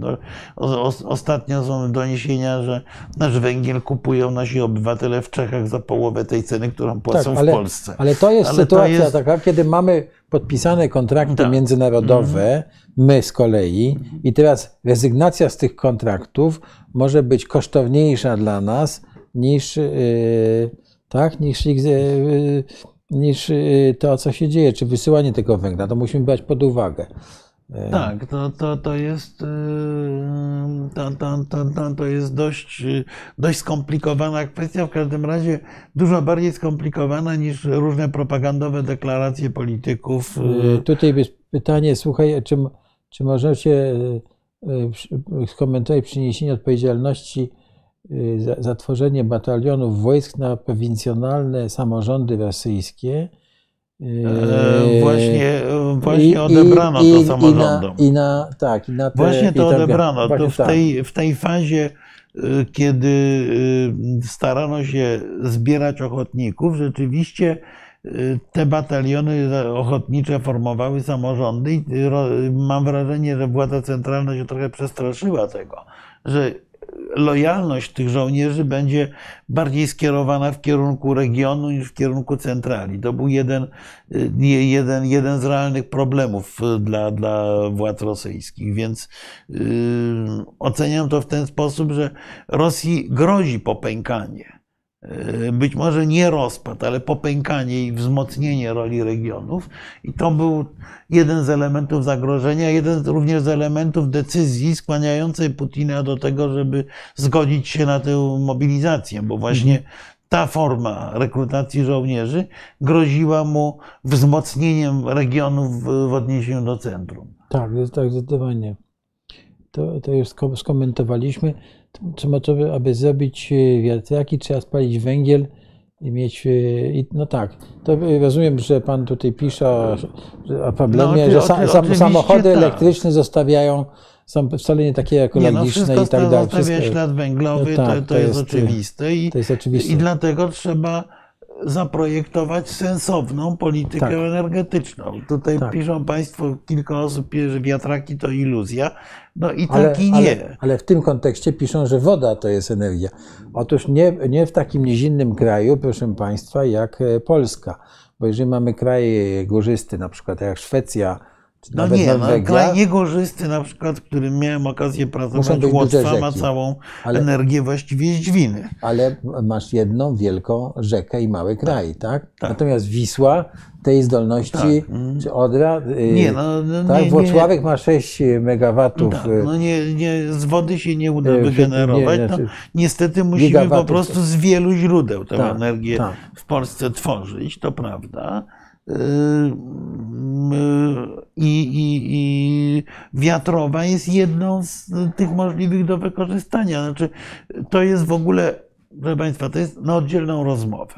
Ja jestem, nie jestem specjalistą aż tak dużym, żeby się na ten temat autorytatywnie do końca wypowiadać, ale mam wrażenie, że my stoimy przed pewnym wyborem. Czy robić to, co robiliśmy do tej pory, czyli mieć olbrzymie, scentralizowane elektrownie, czy próbować budować energetykę na poziomie regionalnym. Bo jedną z rzeczy, którą ja jeszcze pamiętam z czasów, jak byłem członkiem polskiego rządu, która pojawiała się na obradach ponad 20 lat temu, na obradach polskiego rządu, to było to, że my musimy przebudować sieci przesyłowe. Bo mamy już zdekapitalizowane. Nic nie zrobiliśmy, one są teraz bardziej zdekapitalizowane. To są grube miliardy. Ale jeżeli wchodzimy w regionalne, w regionalną, czy, czy wręcz poniżej regionu dystrybucję prądu, to nie trzeba tak dużo inwestować w te wielkie sieci przesyłowe. To jest kwestia do dyskusji. Tak samo jak jest kwestia do dyskusji, zresztą dyskutowana również w tej chwili w polskim rządzie była. Czy iść w duże elektrownie atomowe, dwie, czy budować małe reaktory na poziomie połowy województwa na przykład, o mocy nie tam dziesiątków ty- ty- tysięcy megawatów, tylko, tylko kilkuset. To, to, jest, to jest kwestia wyboru drogi rozwojowej. W tej drodze rozwojowej mają miejsce wiatraki, ma miejsce fotowoltaika. Ym, To wszystko jest istotnym elementem uzupełniającym miks energetyczny. Tylko, że my tego w ogóle nie robimy. Tego w ogóle nie robimy. My nie podejmujemy żadnej decyzji, tak naprawdę. I znowu to nie jest oskarżanie tego czy innego rządu, bo od wielu lat nie jesteśmy w stanie tej decyzji podjąć. No, Elektrownię atomową zaczął budować Gierek, ją zburzyliśmy i od tego czasu, Znaczy, i od tam- tego czasu rozmawiamy o, Tam- tam- o elektrowni atomowej. No na Boga, to jest 50 lat. Tam została elektrownia taka szczytowa e, pompowa, która No tak. pompuje wodę na górę w godzinach No tak. poza szczytem, a No bo jednym z tak, głównych, ale jeden z głównych jest. problemów jest magazynowanie energii tak naprawdę. Tak, Bo magazynowanie. te wiatraki i baterie słoneczne wbrew pozorom w dzień nam mogą znaczną część energii zapewnić. Yy, yy, Gdzieś się pojawiły badania, że gdyby, gdyby były rozwinięte farmy wiatrowe, to, yy, to ze względu na yy, taką, a nie inną sytuację pogodową, to przez miesiąc moglibyśmy w ogóle funkcjonować na właśnie całe zapotrzebowanie mogłoby być z wiatru. No jednak kraj podobny do Polski, jakim są Niemcy, yy, około 30% energii ma, z wiatraków, No tak? i, no i elektrownie atomowe, tak? No to, Tak, które chcą zamykać. No ale nie wiem dlaczego, ale tutaj była słuszna uwaga pana Dynera jeszcze, że my eksportujemy głównie węgiel, węgiel kokso, koksujący, tak. który nie nadaje się do palenia w piecach, po prostu jest za dużo, by ym, zatkałby piece. Tak. Tak? I tutaj była jeszcze uwaga taka, że znowu o, że w, u, ale u Ka- Kaczyńskiego nie widać cienia refleksji. On uważa, że wszystko jest super, że w Unii trzeba tkwić i dać się kolonizować. To ja rozumiem, że tutaj pani proponuje, żeby z, z Unii wystąpić. To jest to jest. y, Tak, To no, już o ale- wiele razy to komentowaliśmy. Mówię, tak, no to, ale- ale- tutaj, tutaj debata o energetyce to jest e, zupełnie, zupełnie inna debata. No, e, węgiel rosyjski był tak naprawdę głównie zużywany rzeczywiście przez odbiorców prywatnych, w, du- przynajmniej w dużej części e, i tak sam, dalej, sam i tak wiem, dalej. bo mam e, kocioł na węgiel i e, No kupowałem właśnie, węgiel a z, drugiej, a z drugiej strony no, y, od paru lat prowadziliśmy politykę skłaniającą obywateli do tego, żeby odchodzili od węgla, wchodzili w gaz albo elektryczność. Y, W tej chwili ci, którzy posłuchali te, te, tych apeli, będą zrujnowani, no, szczególnie jak ktoś prądem grzeje. Wiesz, wydaje mi się, że jeśli chodzi o tę część ludzi, którzy mieszkają tak jak ja na wsi palą w, w piecach, to sobie poradzą. To, wiesz, przede wszystkim e, No, może zbierać chrust. e, Są wycinane lasy prywatne głównie. To po prostu No tak. piły aż, aż huczą. Cena, cena drewna takiego połupanego jest trzy, No, trzy razy wyższa. No dobrze, no tylko była, to jest kolejny element na długo do nie dyskusji. wystarczy. No przecież my y, eksportujemy gigantyczne ilości węgla, y, drewna, surowego drewna do Chin. No, No, y, to jest przecież skandal, to się tak. można po- postukać w czoło. No, w, zeszłym, e, w zeszłym komentarzu, w komentarzach z naszego zeszłego spotkania ktoś nam zwrócił uwagę na to, prawda, że, Tak. że wycinamy lasy, żeby to nawet, nawet nie dodajemy wartości dodanej, Tak. prawda, tylko po prostu pniec, y, odcięte gałęzie tak, i, jadą do Chin. No to, to jest jeden z głównych sporów y, między Rosją a Chinami.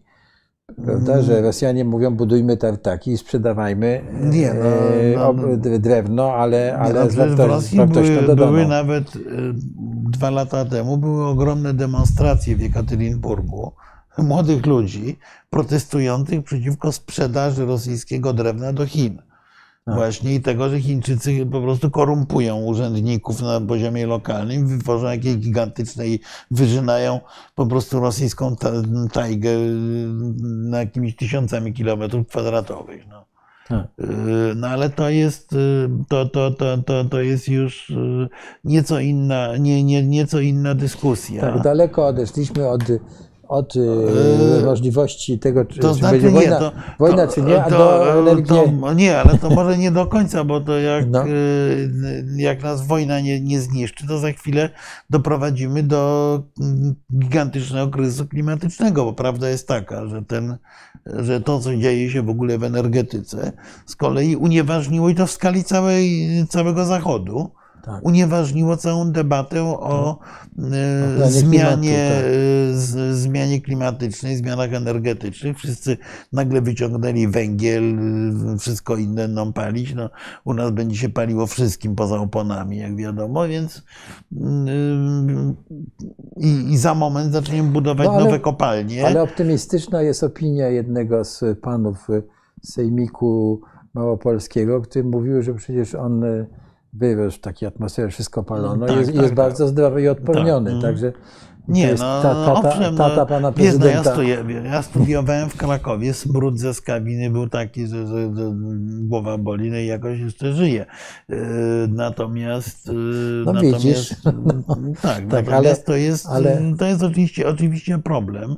Yy, Nie w skali tylko Krakowa czy Polski, tylko w skali, yy, w skali ogólnoświatowej. Yy, I, i to, jest, to jest problem z cyklu nie czas żałować róż, kiedy płoną lasy, kiedy nam brakuje, kiedy nam grozi wojna światowa i wojna atomowa rzeczywiście, to natychmiast zawierzamy dyskusję o wszystkich pozostałych rzeczach.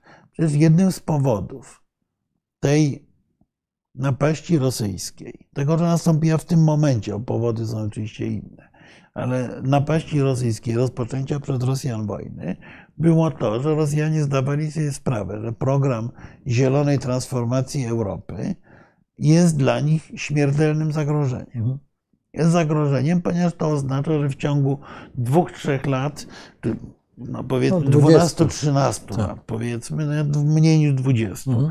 y, ich zasoby ropy i gazu, czyli główny, główne źródło pieniędzy, przestaną być potrzebne. Tak. Bo, a to oznacza z kolei, że pozycja polityczna Rosji osłabnie i możliwość dokonania jakichkolwiek aneksji będzie dużo mniejsza, bo Rosjanie zakładali, że jednak ten szantaż energetyczny sprawi, że Zachód się cofnie, że Zachód się zgodzi na e, jakąś formę anektowania Ukrainy. Tymczasem poszli za daleko, zagrali bank, a jednocześnie, y, jednocześnie Europa sobie jakoś tam poradzi bez tej energii, bo następnej zimy już w ogóle nie będzie problemu. Ta zima będzie problemem dla Europy. Jest pytanie, jak będzie z, z Polską akurat, bo tutaj część z naszych drogich słuchaczy chce nas wyprowadzić z Europy. No to y, jakbyśmy byli wyprowadzeni z Europy, to przypominam, że już kilka razy byśmy byli na granicy blackoutu. I dzięki dostawom z krajów sąsiednich prądu, y, ten blackout nam do końca nie grozi. Że gaz płynie do nas w tej chwili z zachodu. Jakby go nie płynął z zachodu, to byśmy go nie mieli po prostu, bo produkujemy mniej więcej 20% tego, co zużywamy. Na I szczęście tak dalej, i zdaje, tak się, dalej. zdaje się, że e, zawarto jakąś umowę, jeśli chodzi w końcu o Baltic Pipe, na, na niewielką ilość gazu, ale będzie też do No i Polski tak, zawarto jakąś na 2,8 miliarda. 2,8 Przy tym miliarda. cały przypominam, że to y, Tak. bilans i tak jest taki, że musimy znacząco zmniejszyć zużycie gazu. Mhm. A zmniejszyć zużycie gazu, co to oznacza? To nie oznacza, że w kuchence nam, nie, nam się nie będzie palił palnik. To oznacza, że będziemy płacili więcej za chleb, bo y, zmniejszenie zużycia gazu oznacza wyższe ceny i mniejszą produkcję nawozów sztucznych. No tak, to Bo nite, to- nitecki możemy Bo ogromna większość wielu gazu jest zużywana przez, przez ten przemysł. do, też ten przemysł, tak, przez E, produkcję. tak. Głównie właśnie nawozów. Tak. E, Tutaj pan Ad- Adrian pyta, dlaczego Rosja zaatakowała Ukrainę. Dlatego, że uważa, uważała i, i będzie uważała, że Ukraina jest częścią Rosji. Prawie cała Ukraina, bo część by na- Rosjanie oddali. E, Po pierwsze. Po drugie, dlatego, że e, reformy na Ukrainie zaczęły dawać skutki. Na Ukra- Ukraina pod władzą Zełenskiego e, zaczęła się podnosić, powiedzmy, ekonomicznie. Zaczęła być konkurencyjna wobec Rosji, jeżeli idzie o pewien o poziom i, i model życia. I dlatego, że to była ostatnia chwila, bo e, za moment e, ten atak na Ukrainę, zdaniem Rosjan, byłby jeszcze bardziej ryzykowny niż był w tym momencie. Bardzo, ba- bardzo skrótowa. Tak. Proszę Państwa, y, no daleko żeśmy y, tutaj y, odeszli od y, tego tytułu wojny. No, gdzież? Te- No, wróciliśmy na Ukrainę, która Tak. rzeczywiście. Tak, e, e, wow. Jaka jest cena bycia w UE i gdzie tu sens?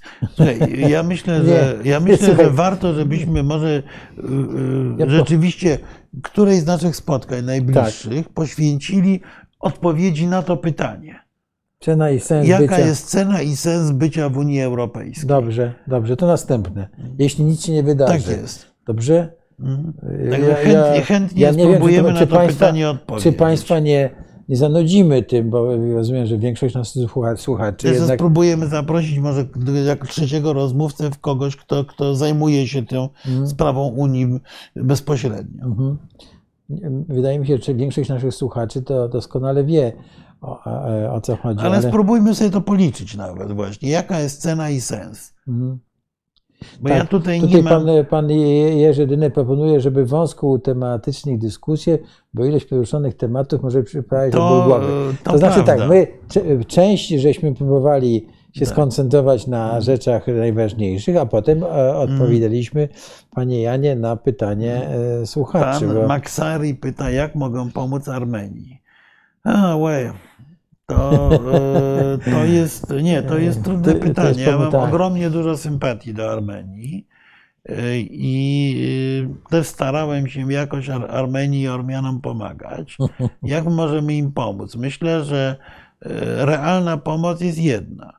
Realna pomoc dla Armenii jest taka, żeby przekonać Ormian do tego, że Rosjanie nie są kimś, kto może ich obronić i że ich szansa jest na Zachodzie, a jednocześnie włożyć dużo pracy i wysiłku w, naszych partnerów zachodnich, żeby e, skłonić ich do większego zaangażowania w Armenii, również w postaci nacisku politycznego na Azerbejdżan, żeby Azerbejdżan tej wojny nie prowadził. To jest zadanie piekielnie trudne. Y, Nie wiem, czy, czy, czy to się uda, ale, ale to jest bardzo dobre pytanie. Y, Przy czym niestety w naszym rządzie, mówię to z żalem, bo w momencie, kiedy ja parę lat temu wyjeżdżałem do Armenii, było, e, rozmowa była taka, że musimy zachowywać równy dystans od Baku i Erywania. Tymczasem w tej chwili jesteśmy dużo bliżej Baku niż Erywania, jeśli idzie o, o, o rząd polski, co uważam za co uważam za błąd, bo Armenia jest jednak jednym z nielicznych realnie demokratycznych krajów, y, y, które wyrosły z byłego Związku Sowieckiego. Natomiast Azerbejdżan no, na pewno jest, y, jest powiedzmy umiarkowanie demokratyczny, a jest to, jest to eufemizm. Słuchaj, musimy kończyć dwie godziny, bo długo. Żeśmy poruszyli mnóstwo tematów. Tak. Może rzeczywiście musimy się spróbować skoncentrować na. Tak, je, je, jeżeli tak. ta wojna, którą prognozujemy, nie wybuchnie w najbliższym tak. tygodniu, to, to, to za tydzień znaczy, spróbujmy porozmawiać o nudnej, ale Unii. bardzo potrzebnej Europie. Tak, ale ja nie sądzę, że myśmy prognozowali, że wojna wybuchnie tutaj. Nie. Chciałbym, znaczy, jednak, znaczy, bo i na, no, wyrażamy obawę. Że, Myśmy powiedzieli, że wzrasta prawdopodobieństwo, jak nigdy dotąd. Tak. tak? I zostało ono ocenione 45, może nawet poniżej 50%. To nie, nie jest tak źle. Co w końcu Ławrow powiedział w ONZ? Ławrow w ONZ można odsłuchać. Można odsłuchać. Powiedział, że Ukraina jest faszystowska, że faszystów ukraińskich wspiera Zachód, że zachodni żołnierze walczą z Rosją i że Rosja ma pełne prawo do użycia broni atomowej. Jej doktryna pozwala na obronę własnych terytoriów, a jeżeli referenda zostaną rozstrzygnięte na korzyść Rosji, to oczywiście te cztery regiony ukraińskie będą, terytorium Rosji, które podlega wszystkim e, regulacjom prawnym rosyjskim, czyli krótko mówiąc, straszył bombą atomową, no, no najkrócej tak, mówiąc. Proszę Państwa, jeszcze y, tylko podsumujmy króciutko, że y, prawda, ta y, mobilizacja w Rosji służyła temu, żeby można było rozszerzyć Y, operację specjalną na i znaczy, można było żołnierzy wysłać, żeby, poborowych, że to żeby poborowych wysłać na Ukrainę, tak. żeby dokonać pewnych korekt czy czystek etnicznych, y, żeby y, zagrozić światu zachodniemu eskalacją wojny sięgającą również jego terytoriów i żeby koniec końców być może to było najważniejsze, żeby powiedzieć Rosjanom, że władza coś robi, żeby wygrać wojnę. Tak, no, e, co jest niestety, wszystkie te wiadomości niestety są przykre i tragiczne. Dziękujemy Państwu bardzo, że Państwo z nami wytrzymali. Dziękujemy za bardzo burzliwą dyskusję. Bardzo aktywną dyskusję. Tak, bardzo proszę Państwa łapki, tak to się mówi, kliknąć łapki w głowę i polubienia, bo nasz kanał wszechnicowy jest bardzo bogaty także w inne tematy, nie, nie tylko nasz. Także bardzo prosimy o wsparcie. Wszechnica i w ogóle fundacja jest instytucją niezależną, nie, nie jesteśmy zwolennikami żadnej opcji politycznej, po prostu zależy nam na to, żeby, żebyśmy wszyscy więcej wiedzieli o świecie i o tym, co się dzieje. I bardzo dziękuję za tę rozmowę dzisiaj, no. bo mimo dużo tematów ja na przykład dużo się dowiedziałem. Także, to, to, to, tak. to, to ja dziękuję, wielka przyjemność. Tu jeszcze padło pytanie, czy wpuszczać E, uciekających przed poborem z Rosji. To jest trudne pytanie, przy czym my mamy e, o tyle łatwiejszą sytuację, że jeżeli mamy wpuszczać, to możemy wpuszczać tych, którzy uciekają z Kaliningradu. E, mhm. I być może powinniśmy, ja byłbym bardziej bliższy tej myśli, ale trzeba to solidnie przeanalizować. Tak. Dobrze. Dziękujemy Państwu, Marku, dziękuję, dziękuję. Ci. Dziękujemy Państwu, dobranoc. I do zobaczenia za tydzień w za sprawach tydzień. europejskich. Tak.